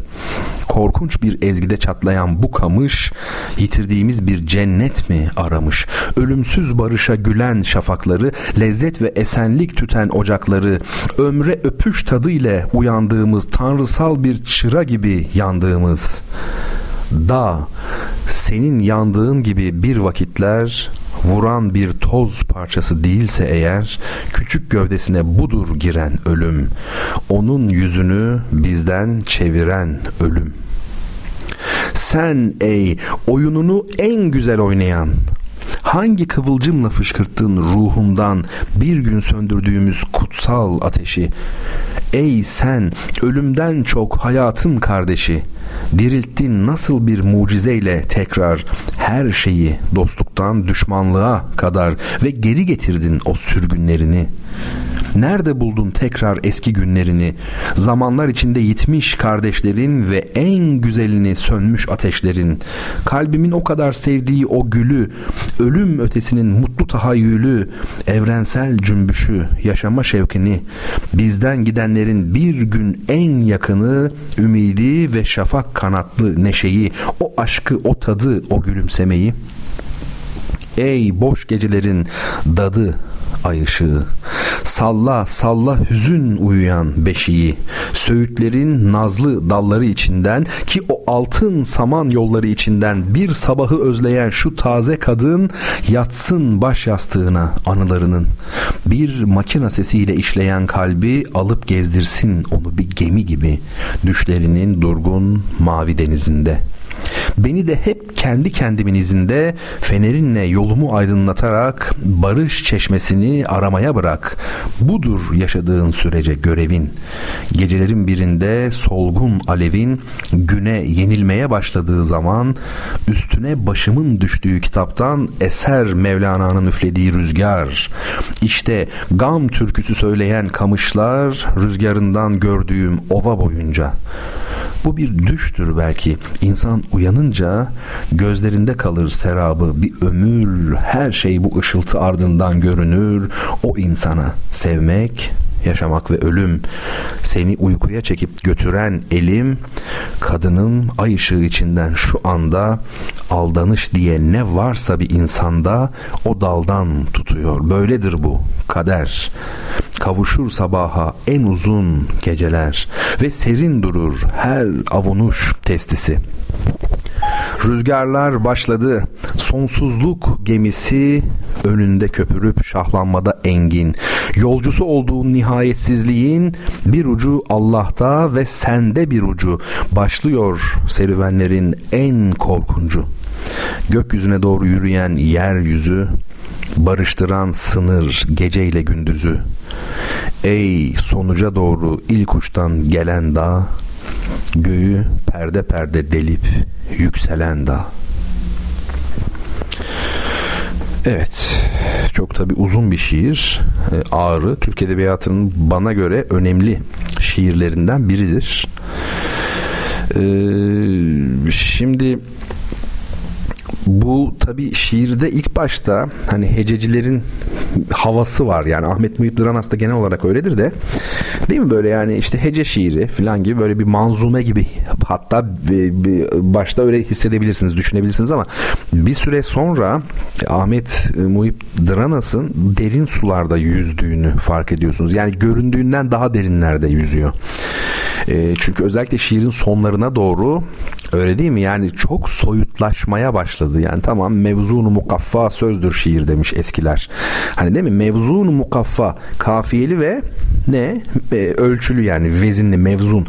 Tamam böyle her şey yolunda gibi değil mi? Yani bildiğimiz ama öyle değil. Yani içinde daha e, soyut, daha derin, zannedildiğinden daha derin bir e, dil var, bir dünya var.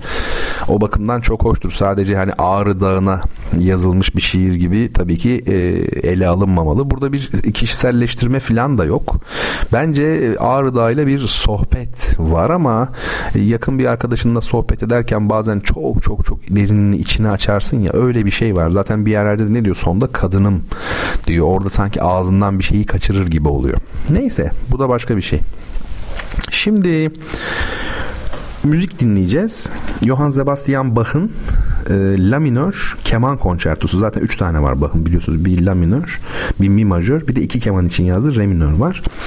Eee Schneideran e, kemancı Hamburg Oda Orkestrası çalıyor ancak ondan evvel şunu söyleyeyim e, David Oistra bana göre bu konçertoları en iyi çalan kişi David Oistrakh 20. yüzyılın en büyük hani eğer bir değilse 3 kemancısından biri bir anket yapılsa %55 bana kalırsa e, Hayfet çıkar. Yaşa Hayfet en büyük kemancı kimdir 20. yüzyılda diye. %45 de David Oistrakh çıkar belki ama bana göre David Oistrakh'tır. Yani benim tercihim o. David Oistra İstanbul'da da bir konser veriyor zamanında. Nazım Hikmet tabi Moskova'da ve yasaklı yani. Türkiye'ye gelme imkanı da yok. E, Piraye de İstanbul'da tabi karısını özlüyor. Türkiye'yi özlüyor Nazım Hikmet. E, Piraye'nin ona yazdığı mektuplardan birinde şey var işte ben diyor David Oistrakhan konserine gittim onu izledim çok güzel mutlu oldum falan filan. E, Nazım Hikmet de bunun üzerine şöyle bir şiir yazmış. Ne acı değil mi? Kendisi Moskova'da David Oistrakhan İstanbul'da çalıyor ve Piraye çok mutlu olunca şöyle yazıyor. Şiirin adı David Oistrakhan mektubumdur. Şöyle diyor. İstanbul'a gitmişsiniz. Konserinizdeymiş. Çok bahtsız bir kadını bahtiyar etmişsiniz. Yağmura uzanan iki yeşil yaprak gibi gözleri bakmış parmaklarınıza. Mektubunda unuttum her şeyi diyor. Kahırlarından başka unutacak şeyi yok. Ağladım diyor, ferahladım. Dünya diyor güzel, içim rahat. Siz kıskandığım biricik insansınız üstad. Çünkü karısını mutlu etmiş ya yani. O da diyor ki kıskandığım biricik insansınız üstad. Yani aşık olan erkek ne yapar? Sevdiği kadını mutlu etmek ister. E kendisi yapamıyor bunu şeyde Moskova'da falan. David Oistrakh da konserde öyle bir çalmış ki yani. Böyle yazmış. Şimdi onu dinleyeceğiz biz. Ee, Bach'ın şeyi ama David Oistrakh çalmıyor. Onu da bulamadım şimdi. Kitaplığımda vardı aslında. Onu yapabilsem size iyi olurdu ama onu siz belki bulursunuz. Yani bu şimdi dinleyeceğimiz müziğin David Oistrakh yorumu. Yani kemanda David Oistrakh olsaydı keşke. David Oistrakh 74'te öldü. Tabii benim onu dinleme şansım olmadı ama oğlu Igor dinledim. Igor da David Oistrakh düzeyinde kabul ediliyor uluslararası alanda. Şimdi soru şu. Wing Chun adı verilen uzak doğu dövüş sanatını manastırlardan dış dünyaya açarak bu tarzın popülarite kazanmasını sağlayan Bruce Lee başta olmak üzere pek çok ünlü öğrenci yetiştiren adına filmler çekilen Çinli Wing Chun ustası kimdir? Sizi Bach'la baş başa bırakıyorum. Müziğin ardından kaldığımız yerden devam edeceğiz dostlar. Müzik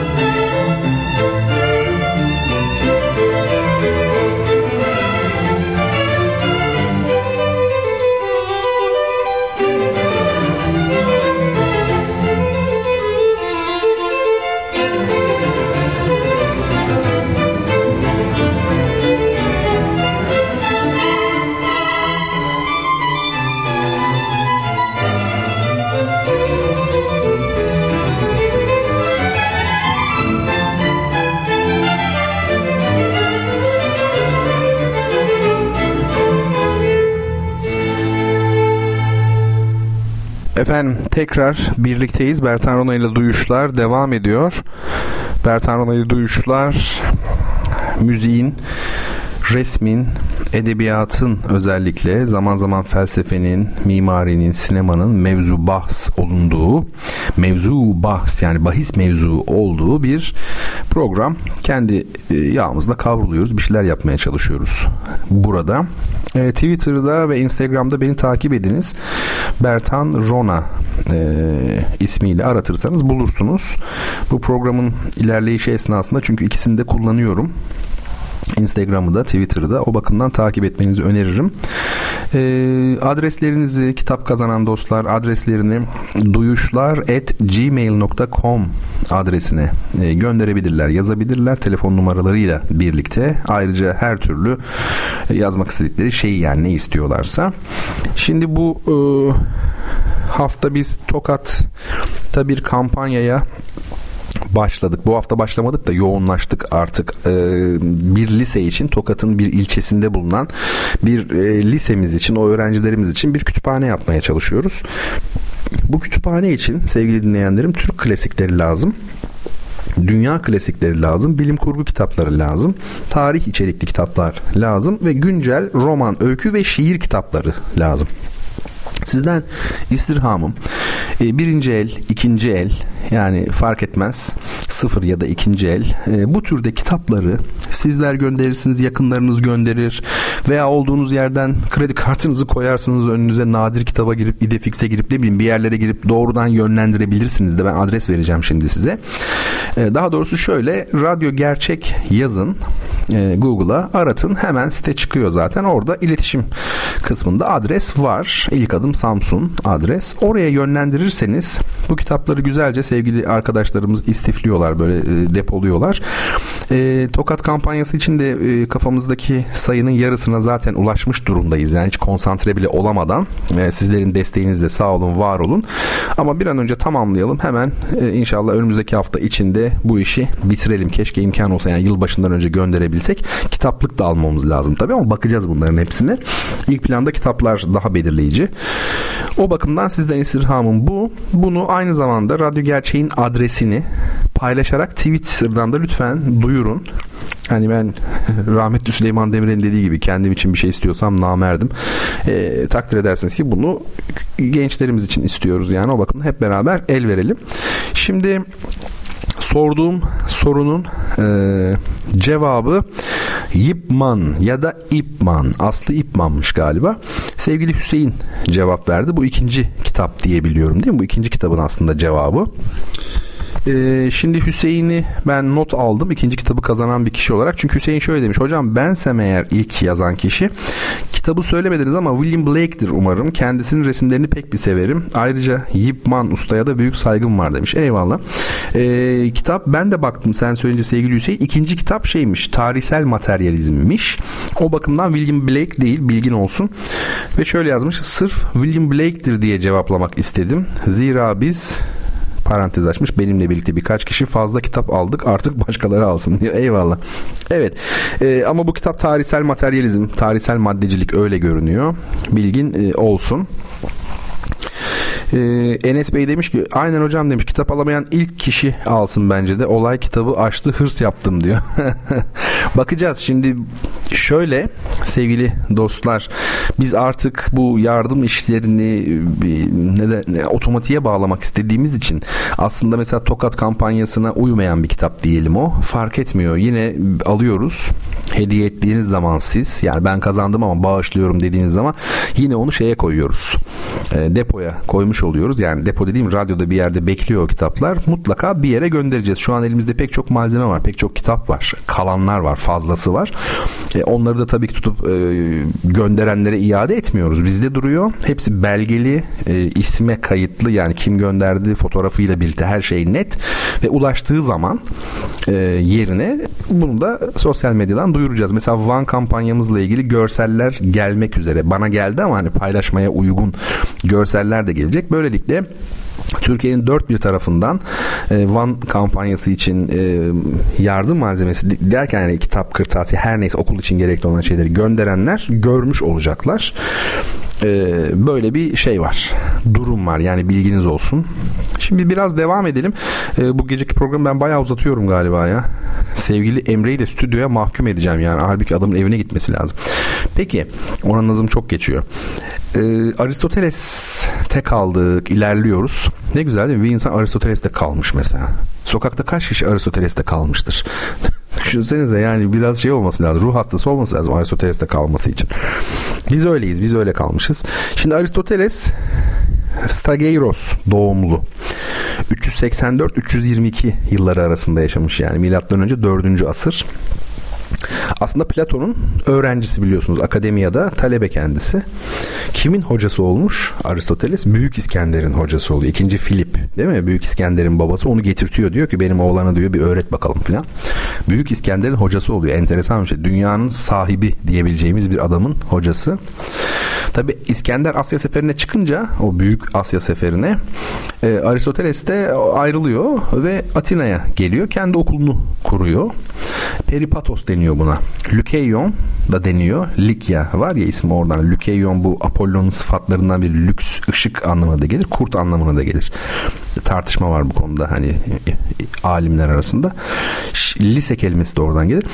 Tabi Peripatos ne demek? İşte gezimci ekol yani gezenler. Peripatos adı oradan geldiği söyleniyor. Ee, şimdi bana göre Platon dahil olmak üzere e, antik Yunan felsefesinde bir Aristo, Aristo öncesi var bir de Aristo var yani arada böyle bir siyahla beyaz kadar büyük bir fark var. E, çağının kendi çağının bütün bilgisini bir e, daire içerisinde kuran bir sistemdir Aristoteles'in sistemi. Oysa Platon'a baktığımızda yani buna mukayeseli olarak baktığımızda bütün görkemine karşın aslında e, onun e, sisteminde ampirik araştırmanın bir de doğa bilimlerinin yerinin az olduğunu görüyorsunuz Platon'da. Oysa Aristoteles'te daha fazla bir bilim adamı havası da var aynı zamanda. Fizik tekrar yerine oturmuş durumda. Bir kere yani her şeyden evvel Aristoteles için ne diyeceğiz? Bir sistem filozofudur. Yani sınıflandırma çok önemlidir. Neden? Çünkü kendisine gelindiğinde artık bilgi dalları ciddi bir birikim yapmıştı ve onların sınıflandırılması gerekiyordu. Ee, bir de Aristoteles'in bir özelliği var. Bağımsız alanlara, bağımsız kitap yazan ilk düşünürdü. Mesela fizik atıyorum, siyaset atıyorum, etik. Yani böyle bir şey yoktu daha önce. Yani biz bir kitabın içerisinde bunları bir arada buluyorduk. Oradan ayıklıyorduk kendimiz mesela. Ee, dediğim gibi Aristoteles'te gözlenen sınıflandırma eğilimi kendisine kadar biriken bilimsel bilginin fazlalığından kaynaklanıyor. Öyle bir artmış ki artık ona, ona gelene kadar. Tabii Aristoteles e, şey e, şöyle şöyle diyelim e, Aristo doğa felsefesi işte insan felsefesi ya da Platon'daki özellikle metafizik bunlara bunlar üzerine çalışmadan evvel kendi yöntemini netleştirmek istiyor. Bir çeşit Descartes'in yaptığı gibi yani hani yöntem yöntem çok önemli. Bunu netleştirmek istemiş. Nedir yöntem? Hemen aklınıza gelmiştir. Organon yani mantık. Ee, bu mesela önermeleri biliyorsunuz ne yapıyor? Birbirine bağlıyor. Diyor ki öyle bir hani yöntemle bağlayayım ki diyor hani tutarlı olsun, yanılmayayım diyor. Arapçada akıl kelimesi biliyorsunuz değil mi? E, parçaları birbirine bağlayarak bir sonuca ulaşma yani tevhid ve hikmet anlayışı söz konusu. Bu onu hatırlatıyor ama sadece akrabalık bu kadar temelde. Yoksa mantık tabii ki çok teknik yani bu bahsettiğim diğer meseleye göre. E, şimdi Aristoteles e, Platon'un ya şimdi şöyle yani Platon'un felsefesinde ideal olan ile öyle söyleyeyim reel olan arasında çok büyük bir fark var. Kopukluk aslında. Varlık ile oluş arasında da büyük bir fark var. Tümelle tekil arasında da büyük bir fark var. Aristoteles bundan çok rahatsız ve Platon'u çok eleştiriyor. Yani bu fark bırak farkı bırakın farkı şey diyor. Ne derler? E, kopardığını söylüyor Platon'un. Bu bu arayı kopardığını söylüyor. Kendisi diyor ki ben bunu tesis edeceğim diyor. Öyle ki öyle bir tesis edeceğim ki algılanan şey yani algılanan her neyse o kavramsal bilgiyle açıklanabilsin. Büyük bir iddia yani bu. Kolay bir şey değil. O dönem için özellikle hiç kolay değil. E, buradan hareketle şunu söyleyebiliriz. E, Aristoteles'e göre idealar dünyası vardır. Aristo'nun şey Platon'un sürekli bahsettiği idealar dünyası. Ama diyor duyu dünyasının içindedir diyor. Hoş geldiniz materyalizm. Değil mi? Duyu dünyasının içindedir ne demek? Tümeller tekilin içindedir demek. Tekillerden meydana gelir. Yani tümelin tek başına hiçbir anlamı yoktur demek. Geçen hafta adcılıktan bahsetmiştik ya. Hatırlıyor musun? Tümeller nerededir meselesi, kavram meselesi işte aynı bu. Heyecanlanmaya başladım. Uzun zamandır felsefeyle heyecanlanmamıştım. Şu e, siz atölyeyi takip edin. Atölyede çok güzel felsefe e, sohbetleri olacak. İnşallah bakalım online olarak. E, ben bunları hep duyuracağım Twitter'dan. Ee, dediğim gibi Aristoteles'e göre idealar dünyası duyu dünyasının içindedir. Yani bu da tabii ki tümel olan yani universalis denilen e, tümel ile singularis denilen tekil arasındaki ilgiyi bulmaya götürüyor aslında bizi. Tabii tekili bilmek için tümeli bilmek gerekir. Bunu da yatsımıyor. Zaten diyalektik de bize bunu söyler. Yani tamam e, tekildir belki temelde bulunan ama tümeli de anlamadan yani tümel tekrar tekile dönmek zorundadır daha doğrusu. E, niye? Çünkü işte e, bilim denilen etkinliğin amacı esas da tekil olanı bilmektir. O da ilginç bir şey yani. Tekil olguyu bilmektir. Fenomeni bilmektir. E, bu nedenle de tümeli bilmek başlı başına bir amaç değildir diyor Aristoteles. E, ya çok renkli bir sistem ya Aristoteles'in ki gerçekten büyüleyici. Düşünce diyor gerçeğin yansıması olduğu için Yargının formları diyor varlığın biçimleridir diyor. Of of of cümleye bakar mısınız? Düşünce dediğimiz olay gerçeğin bir yansımasıdır. İnsan zihnindeki yansıması değil mi? O zaman diyor yargının formları varlığın formlarıdır diyor aynı zamanda. Bizim vardığımız yargıların formları da varlığın formlarıdır diyor. Şimdi ya çok acayip ben heyecanlandım yani. Aristoteles aslında Heraklitos'tan bahsettik ya diyalektiğin babası. Ama hangi diyalektiğin yani şimdi o da var tabii. Parmenides'teki diyalektikten bahsetmiyorum. Heraklitos ile Elea okulu arasındaki ya da şöyle diyeyim Platon'un idealar dünyası ile reel dünya arasında o karşıtlık vardı ya boşluğu e, bir düşünceyle aşmaya çalışmış. Bu da gelişme düşüncesi. Ne demek bu? İşte Aristoteles diyor ki gerçek varlık fenomen dediğimiz şeylerin içinde gelişen özdür. Burada da hoş geldiniz idealizm tekrar. Yani gerçek varlık tamam diyor yani fenomenlerin içindedir diyor ama yine de vardır diyor. O, o yüzden de materyalizme yüzde yüz e, gitmiş değil yani idealizm yine bırakmıyor. Yani diyor işte öz dediğimiz şey osya neyse hep olmuş olan varlıktır. Toti en Einai nasıl okunuyorsa artık bu Yunanca bilmiyorum. Böyle bir şeyi var onun. Ee, karşılığı var. Şimdi burası çok önemli. Aristoteles felsefesinin en renkli kısımlarından bir tanesi. Gelişme diyor. Form var ya morf aslında biliyorsunuz. Bununla madde arasındaki bir ilgidir. Burayı çok dikkatli takip edelim. Madde hile, hilozoizmin hilesi. E, madde ile form bir de biçim var ya her madde bir biçim alıyor. Bu ikisi arasındaki ilişkiye formla madde arasındaki ilişkiye gelişme diyor Aristoteles. Fenomenler dünyasındaki yani bizim bu gündelik hayatımızdaki etrafımızda gördüğümüz bu dünyada gördüğümüz her şey form kazanmış olan bir maddedir diyor. Maddede gerçek varlık olan öz diyor Ousia maddedeki gerçek varlık ama bir özü var ya o ancak bir şey olabilme olanağıdır. Yani dinamis dediğimiz şey potentia potansiyel demiştir ya ve ancak form yüzünden bir gerçek bir edim ve aktus olur enerji haline geliyor form yüzünden form olmasa bunu kazanamayacak madde dediğimiz şey. Bir de şu var tabii kavramda bilinen varlık genel özdür aslında. Ve bu öz e, nasıl diyelim ona ya çok ağır bir cümle olacak ama görünüşlerinde bu öz değil mi? Numen yani numen öz. Her görünüşünde fenomen oluşunda o form yüzünden kendi olanağını gerçekleştirmiş olacak. E, Osmanlı'da kendi imkanı dedikleri e, şeyi mümkün. Kendi imkanını gerçekleştiriyor. Potansiyelini gerçekleştiriyor. Dolayısıyla bu gerçekleştirmede de e, ne ortaya çıkıyor? Kinesis, hareket dediğimiz şey ortaya çıkıyor. Yani varlık oluşta meydana gelmiş olan şeydir. Var olan olmuş olandır. Yani Platon'daki gibi bir varlık tanımlıyor. Belki farklı olarak arada çok büyük koparmıyor. Bunu e, ampirik dünyaya, bu dünyanın içine ekmiş Aristoteles. Bunun içerisinde diyor yani. Özün diyor görünüşlerinde kendisini bu şekilde e, gerçekleştirmesine entelekia diyor.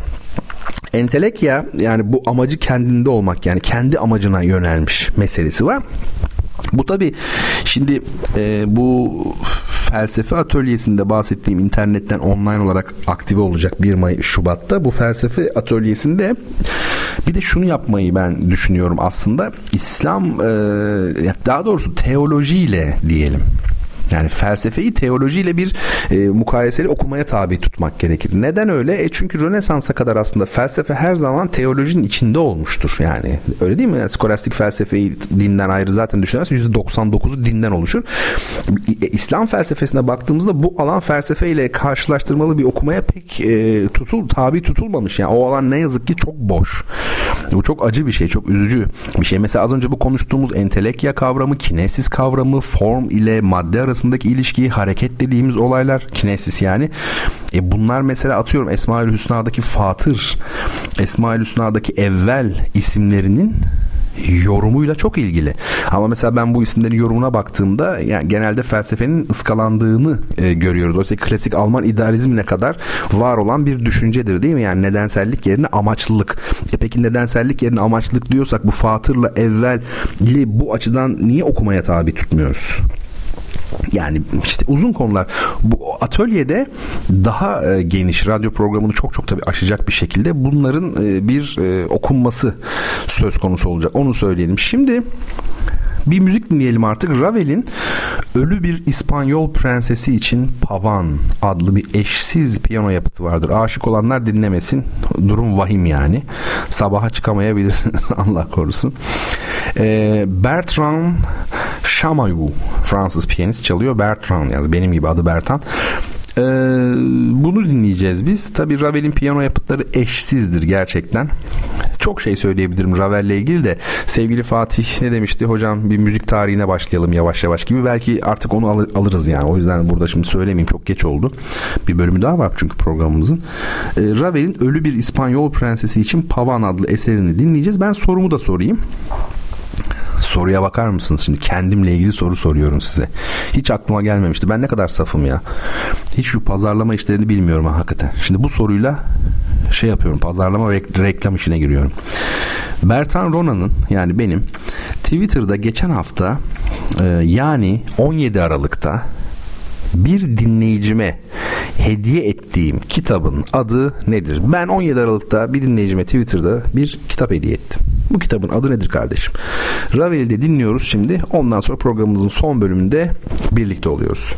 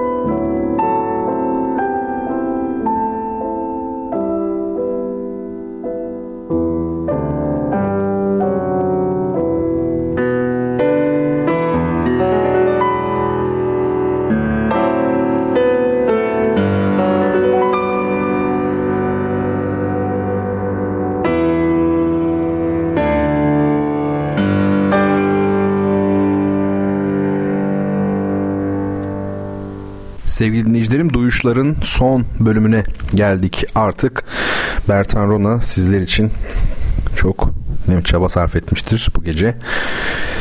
Ee, ve artık programın son bölümünü e, idrak etmektedir.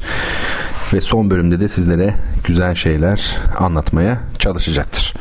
Şimdi bu sorduğum sorunun cevabı tabii ki kanaatlerden imajlara idi. Bakalım şimdi.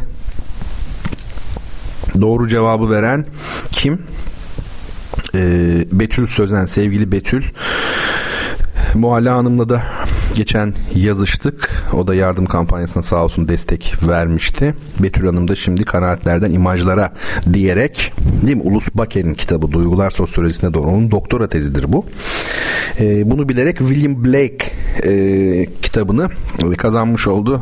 Sevgili Hüseyin şöyle demiş. Bakıp yazınca geç kaldım galiba diyor. Gitti William Blake diyor. evet maalesef Hüseyin'cim gül gibi William Blake gitti. Şimdi bir bakalım e, gereğini düşüneceğiz. Başka sorularımız da var. Bir soru daha var bu gece. Bu arada müziği beğendiniz değil mi? Yani nasıl ölü bir İspanyol prensesi için Pavan. Pavan bir formun ismi bir dans yani. Ölü bir İspanyol prensesi yalnız bakar mısınız? Ve grotesk bir hava da var. Çok güzel bir piyano eseri gerçekten. Kanserojen.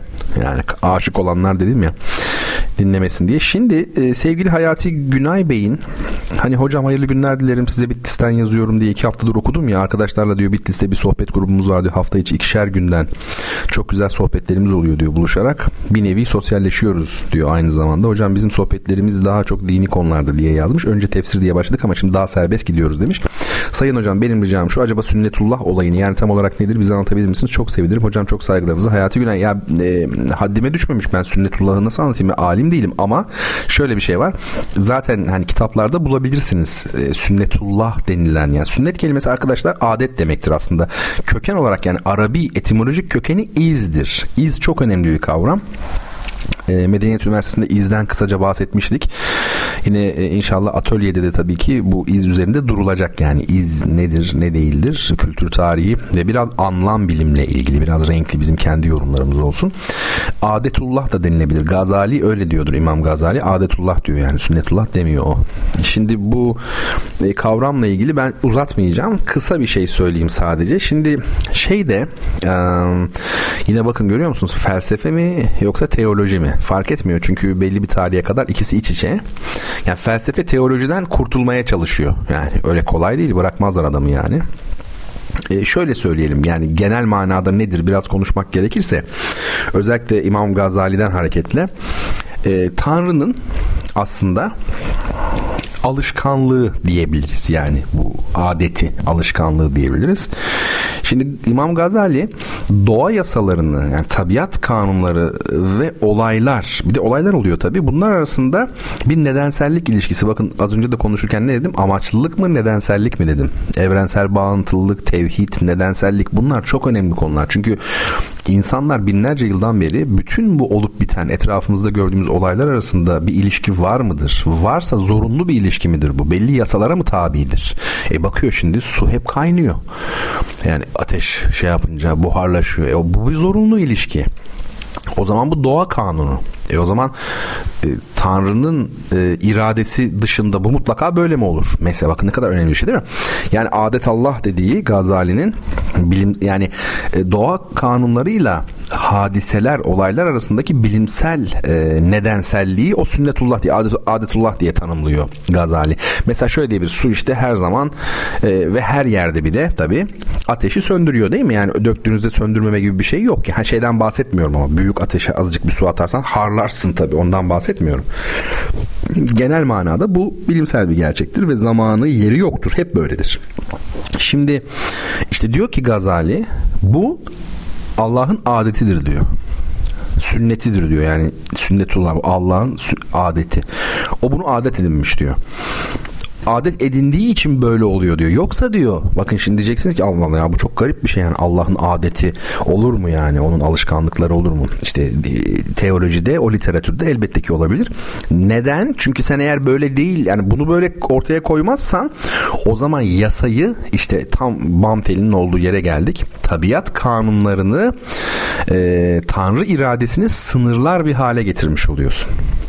Öyle değil mi? Yani yani tabiat kanunları var ya. Su ateşi söndürür mesela. Burada bir takım fiziksel, kimyasal bir şeyler dönüyor da onu söndürüyor. Ama bu eğer sen Tanrı'nın mutlak iradesini eğer tanıyorsan şunu söylemen gerekir. Bu böyleyse Tanrı bunu böyle istediği için böyledir. Anlatabiliyor muyum? İste, eğer istemezse böyle olmaz mesela işte. Bu çok önemli. Bu skolastikte çok tartışılmış bir şeydir. İslam e, düşüncesinde de çok tartışılmıştır yani. E, dolayısıyla olaylar şu an böyle oluyor diye hep böyle olacaklar sonucunu çıkarmak gereksizdir demeye getiriyor İmam Gazali. Yani diyor ki Tanrı alışkanlığından vazgeçerse, sünnetullah değişirse o zaman su ateşi söndürmeyi verir. Farkındaysanız bu tabi bu mucize filan meselelerine de uzanıyor. Yani insanın havada uçması mümkün mü? Mümkün değil. Neden mümkün değil? Niye uçmuyor? Uçamıyor. Çünkü fiziksel kanunlar buna izin vermiyor. E, o da Allah'ın adeti sünnetullah ama Allah peki kendi ka- koyduğu kanunu ya da kendi alışkanlığını ortadan kaldıramaz mı? Bu ne olur? E, aciz, güçsüz bir e, ilah imajı ve düşüncesine sebep olur. O bakımdan da istediği zaman ne yapabilir? O kendi koyduğu kanuna mahkum değildir. Onu değiştirebilir. Esas mesele bu. Yani Tanrı'nın alışkanlığından vazgeçmesi durumunda su ateşi söndürmeyebilir. İmam Gazali'nin bu duruma verdiği ad ne biliyor musunuz? El imkanül has. El imkan ül has diyor buna İmam Gazali. E, Türkçe'ye bugünkü Türkçe'ye nasıl çevirebiliriz? E, mutlak zorunsuzluk hali. Yani mecburiyet olmama hali mutlak ama. E, öyle demiş. Dolayısıyla ben bu konuyu uzatmayacağım. Sadece şunu söyleyeceğim. E, Tanrı doğa kanunlarına mahkum mu değil mi? Mahkum değil. Hristiyanlık da öyle diyor. Şey de öyle diyor. Efendime söyleyeyim. Ee, e, İslam da öyle diyor. Mahkum değildir doğa kanunlarına. Peki bu doğa kanunları nereden çıktı o zaman? Doğa kanunlarını kim koydu? Tanrı koydu. Kendisi koydu. E niye böyle koydu?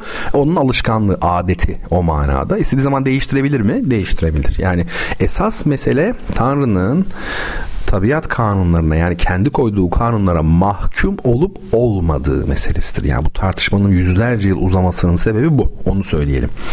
Peki şimdi ya bayağı bir konuşacaktım aslında daha biliyor musunuz? Acayip acayip işler var. Ee, mesela bir tane terim meselesi var. Bunu aslında haftaya da bırakabiliriz artık. Çok çok uzattık yani de.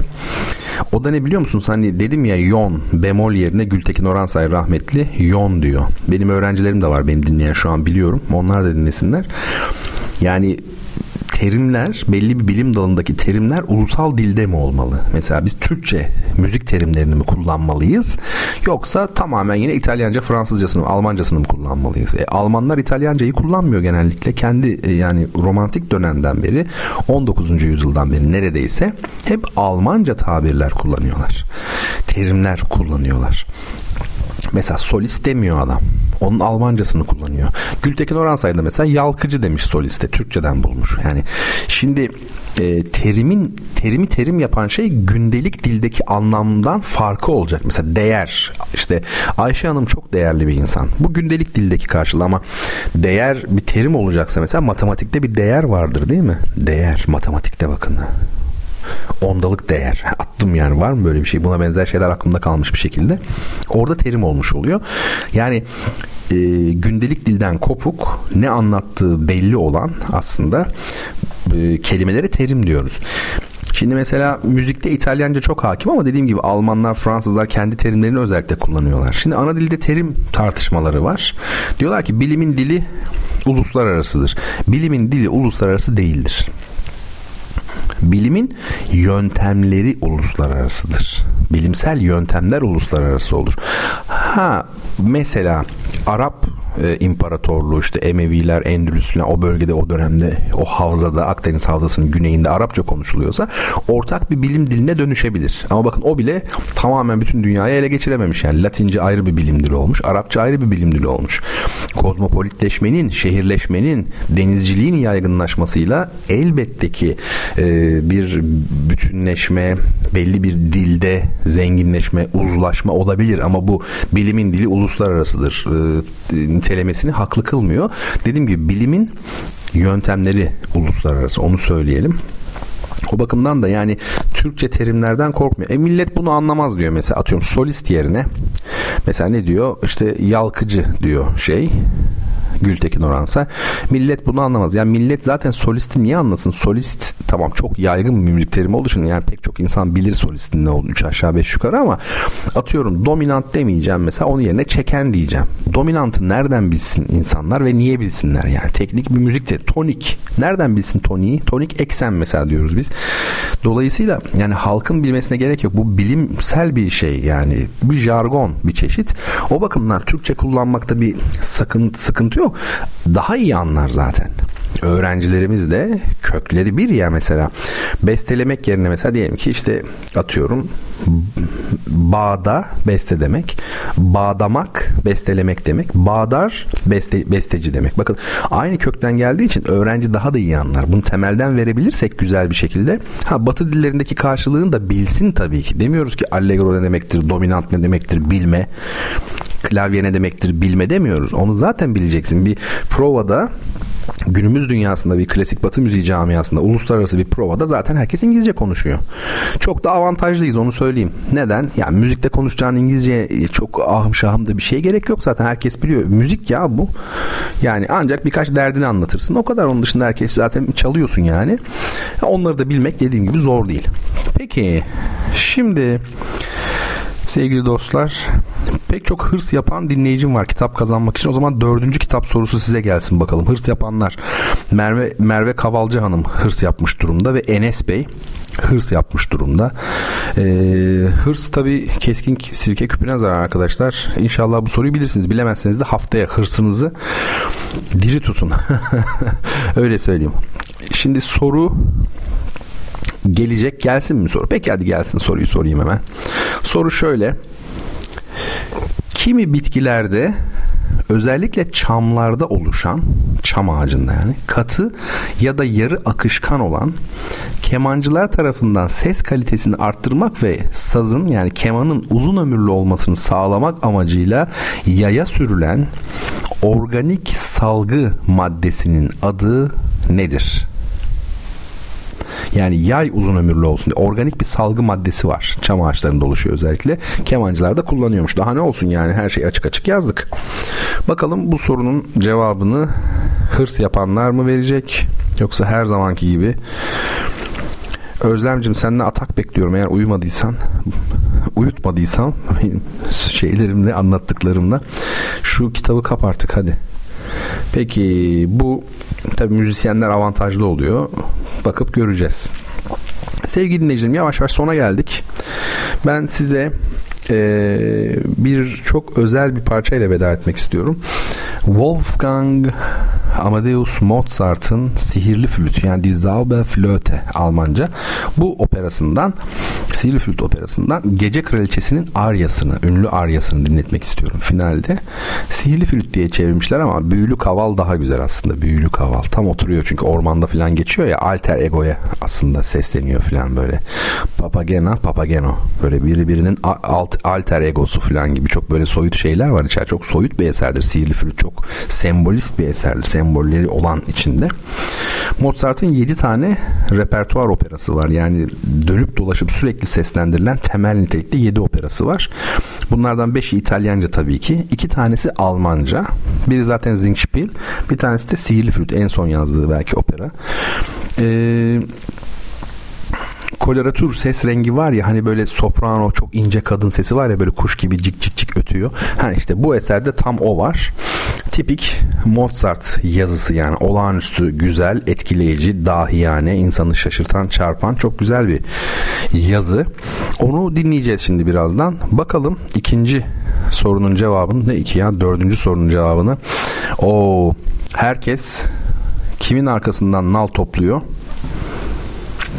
Herkes Fatih Çelik'in arkasından nal topluyorsunuz arkadaşlar. Kusura bakmayın Fatih uçmuş durumda yani. Fatih çok hızlı. Özlem sana ben bir kitap hediye edeyim bari göndereyim. Özlem'in kitap kazanmasını çok istiyordum. Şuracım programı baştan dinlediğimi bilmiyorum. Sevgili Şura, sevgili e, Gülçin bana misafir geliyorlar hafta sonu. Yani ne zaman geliyorsunuz? Cuma geliyorsunuz. Tamam. Bende de kalıyorsunuz. İkiniz de. Tamam o da süper. Diğer arkadaşlar gelememiş. Onlar artık bir dahaki şeye bakacaklar. E, Şura'nın sınavları var galiba. Bakacağız yani işte Şura'cım ve Gülçin'cim. Ben sizi bir Ocağa kadar, yılbaşına kadar burada bakalım tutabilecek miyim yoksa kaçacak mısınız? gezdireceğim de sizi sözüm söz. Görüyorsunuz yani bakın sevenlerimiz var uzak şehirlerden geliyorlar ve o zaman da karşılığını alıyorlar tabii yani çünkü gezdireceğim yani gezdirmek zorundayım. Eee Hüseyin demiş ki hocam bunu sordunuz geçen hafta benden söylemesi çaktırma Hüseyin. Peki bir şey söyleyeceğim ben bunu sordum da geçen hafta. Bu reçine sorusunu ben geçen hafta sordum mu sormadım mı hatırlayamıyorum. Anlatabiliyor muyum? Ee, ve şöyle bir şey aradım aradım bulamadım bunun cevabını veren kişiyi ve ben de bu soruyu sormadığımı düşünerek bu haftaya aktardım. Yani nasıl olacak bilmiyorum şimdi. Yani geçen hafta bu soruyu bilen kişi lütfen ben ben bildim desin. Çünkü ben hatırlayamıyorum kim olduğunu. Ama fark etmez. Bu soruyu da şu an ilk bilen kişi kazanabilir. Ee, önemli değil yine sorarız ya bu zaten kitap işi işin biraz e, şakası olmuş oluyor. Ee, peki durum böyle. Ben bu notumu da alayım sevgili Fatih. Dördüncü kitap neydi bu arada? Bir bakayım ben de bakayım. Siz de bakıyor musunuz dördüncü kitaba? Dördüncü kitap bakalım. Ha şey bu Tanrı bilim ve felsefe konuşmaları. Oh bundan kurtulduk diye şey yapıyorum. Bakın geçen hafta o zaman bir dakika şimdi bir terslik var. Geçen hafta bu kitabı ben sormadım işte bu soruyu diyerek bu kitabı bu haftaya aktardım ben. O zaman geçen hafta ya kimse cevap vermedi öyle bir şey oldu bilmiyorum garip yani. Neyse bakacağız. Biz bunu şimdi gönderelim Fatih'e. Ee, bir kişiyi atladıysak o da yazar biz hocam benim kitabım vardı der. Ona da başka güzel bir kitap veririz yani ne yapalım. Efendim bu kadar olsun bu gecelik. Başka size anlatacağım şeyler var mı? İrtibat halinde olalım. Şu tokat kampanyasını yürütelim ya ne olursunuz. Bir yardımcı olun. Sizler de bir destek verin. Radyo Gerçeğin adresi var internette. Kitap gönderin ya. 3 tane 5 tane. Sevgili Hüseyin Demir çok acayip kitaplar gönderiyor. Hüseyin çok kitap göndermişsin. 3 koli saydırdım e, ben bu kitapları. Bayağı bir yapıyor. Hüseyin sağ olsun. Var mutlaka okumadığımız kitaplar oluyor. Onları gönderelim arkadaşlar olur mu? Bunu bitirelim. Sonra başka bir okula başlayacağız zaten. Yani şu tokat işini bir halledelim ama yani şöyle söyleyeyim. Hani bir 500 cilt falan kitap olsun ki en azından bir e, orta halli bir kütüphane olabilsin yani. Çünkü 500 ciltten daha az biraz şey. O yüzden de güzel kitaplıklarını falan da alırız göndeririz. Şimdi son birkaç şey söyleyeyim. Ee, bu iki haftada bir, üç haftada bir Trabzon'da oluyorum. TODA, Trabzon Ortahisar Düşünce Akademisi. Çok güzel, cici bir yer. Ee, orada bir takım konferanslarım oluyor. O yüzden de programları 2-3 haftada bir oradan e, yapmış oluyorum. Önümüzdeki süreçte daha çok bir İstanbul görünüyor. Çok çok çok daha sık olabilir. Ve sonra da daha başka zaten gelişmeler olabilir. E, bir o e, hadise var. E, bu Ankara Kongresi'ndeki tam metni benden isteyen dostlar oldu. Romantizm, müzikte romantizm ama ben çok yoğun olduğum için tam metin yetiştiremedim oraya. Ben şimdi Dropbox'ta onun şeyini paylaşayım.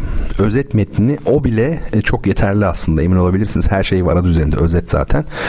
Onu bir makale olarak düşünüyorum. Yaptığım zaman da şey yapacağım. Size göndereceğim.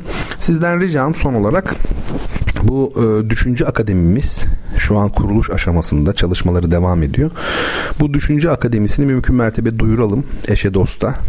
Ee, bir bu. Bir de yaz aylarında yurt dışı turları da olgunlaştı artık. O konuda da şöyle bir e, eşe dosta yine duyurmanızı isteyebilirim yani. Çok da bir şey istemiyorum sizden gördüğünüz gibi.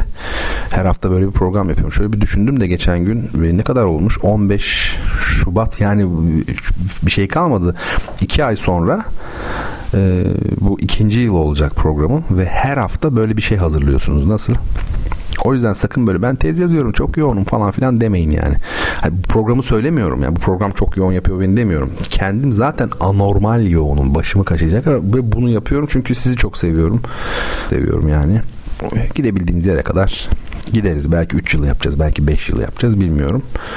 Bir tarih programı yapıyordum biliyorsunuz. Popüler tarih. O tabii böyle içerikli bir program değil. Daha farklı o. Böyle hafif program. Onda da bazı teknik sorunlarımızdan dolayı onu çok uzun zamandır 3 aydır falan neredeyse 2-3 aydır hiç yapmadık. O da devam edecek kaldığı yerden. İstiyorum ki çocuklar kozmopolit değil bizim insanımız. Kozmopolit olsun istiyorum. Yani çocuklarımızın dünyadan haberi olsun istiyorum. Kendi bebeğim de mesela büyüdüğü zaman 10 yaşında falan olduğu zaman mesela o e, geçmiş zaman olur ki programını mesela bin bölüm olsun. Bin. Ne güzel olur değil mi? Bin bölüm apayrı konular böyle 20. yüzyıldan ilginç olaylar tarihten falan böyle bir renkli böyle onu dinlesin bunu dinlesin düşünsenize ne kadar genel kültürü artar. Öyle bir şey hayal ediyorum bütün çocuklar için ama beni çok zorluyor aslında o program. 2-3 aydır ya hakikaten hayır var bu işte. Allah'a şükürler olsun. Ne yalan söyleyeyim yani. Bu 2-3 ay ben öyle bir geçti ki benim için. Ben o programı ayrıca yapamazdım yani. Ve tam da o sırada bir teknik meseleden dolayı program yapılamadı yani enteresan. Bakacağız. Evet çok uzattım. Artık vedalaşalım. Hepinizi hürmet ve muhabbetle kucaklayacağım. Enes Bey demiş ki hocam TEDx konuşmanız hala yayınlanmadı mı? Hayır yayınlanmadı. Geçen gün YouTube'a baktım. Orada göremedim. Ee, şöyle TEDx'i düzenleyen Yıldız Teknik Üniversitesi'ndeki arkadaşlarla tabii irtibat halindeyiz. WhatsApp'ta grubumuz falan var. Ee, onlar işte tabii kendilerinden kaynaklanmıyor o işlemleri o işte videonun e, düzeltilmesi, işlem görmesi falan onu yapan tabii profesyoneller var. Onlarla ilgili bir sorun var. Ancak yetiştirebiliyorlar herhalde. Ancak benim konuşma yaptığım gün benden hemen sonra konuşma yapan sevgili arkadaşım e, onun mesela videosu var YouTube'da. O nasıl olmuş bilmiyorum ama bize söylenen yani bugün yarın daha doğrusu ben hani WhatsApp grubunda bir şey yazmıyorum pek de tabii yazılı zaman ben de okuyorum. Yani bugün ha bugün ha yarın falan deniliyor. Yayınlanır diye düşünüyorum. Ee, Enes Bey son olarak onu da okuyayım. Hocam ben de sizi seviyorum şahsım adına. Allah razı olsun aydınlatıyorsunuz bizi. Canı ha, canlı dinleyemesem de sonradan podcast'ten dinliyorum mutlaka. Eyvallah o da olur tabii. Canlı gerçi havası başkadır ama önemli olan yani oradaki bilgileri edinmekse tabii ki podcast'ten de olur. Niye olmasın? Efendim hepinizi hürmet ve muhabbetle selamlıyorum. Haftaya sizlerle tekrar bir arada olabilmeyi ümit ediyorum ve sizi e, Mozart'ın Sihirli Flüt operasından hayran kalacağınızı düşündüğüm Gece Kraliçesi'nin aryasıyla baş başa bırakıyorum. Görüşmek üzere.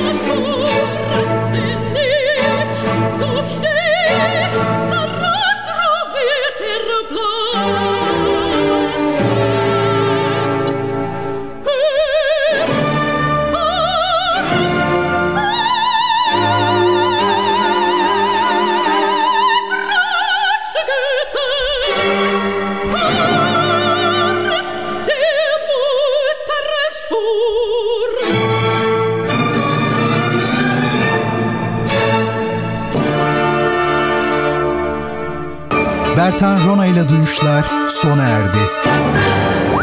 Bu program hakkındaki düşüncelerinizi dinleyen et radyogercek.com adresine mail atarak bize ulaştırabilirsiniz.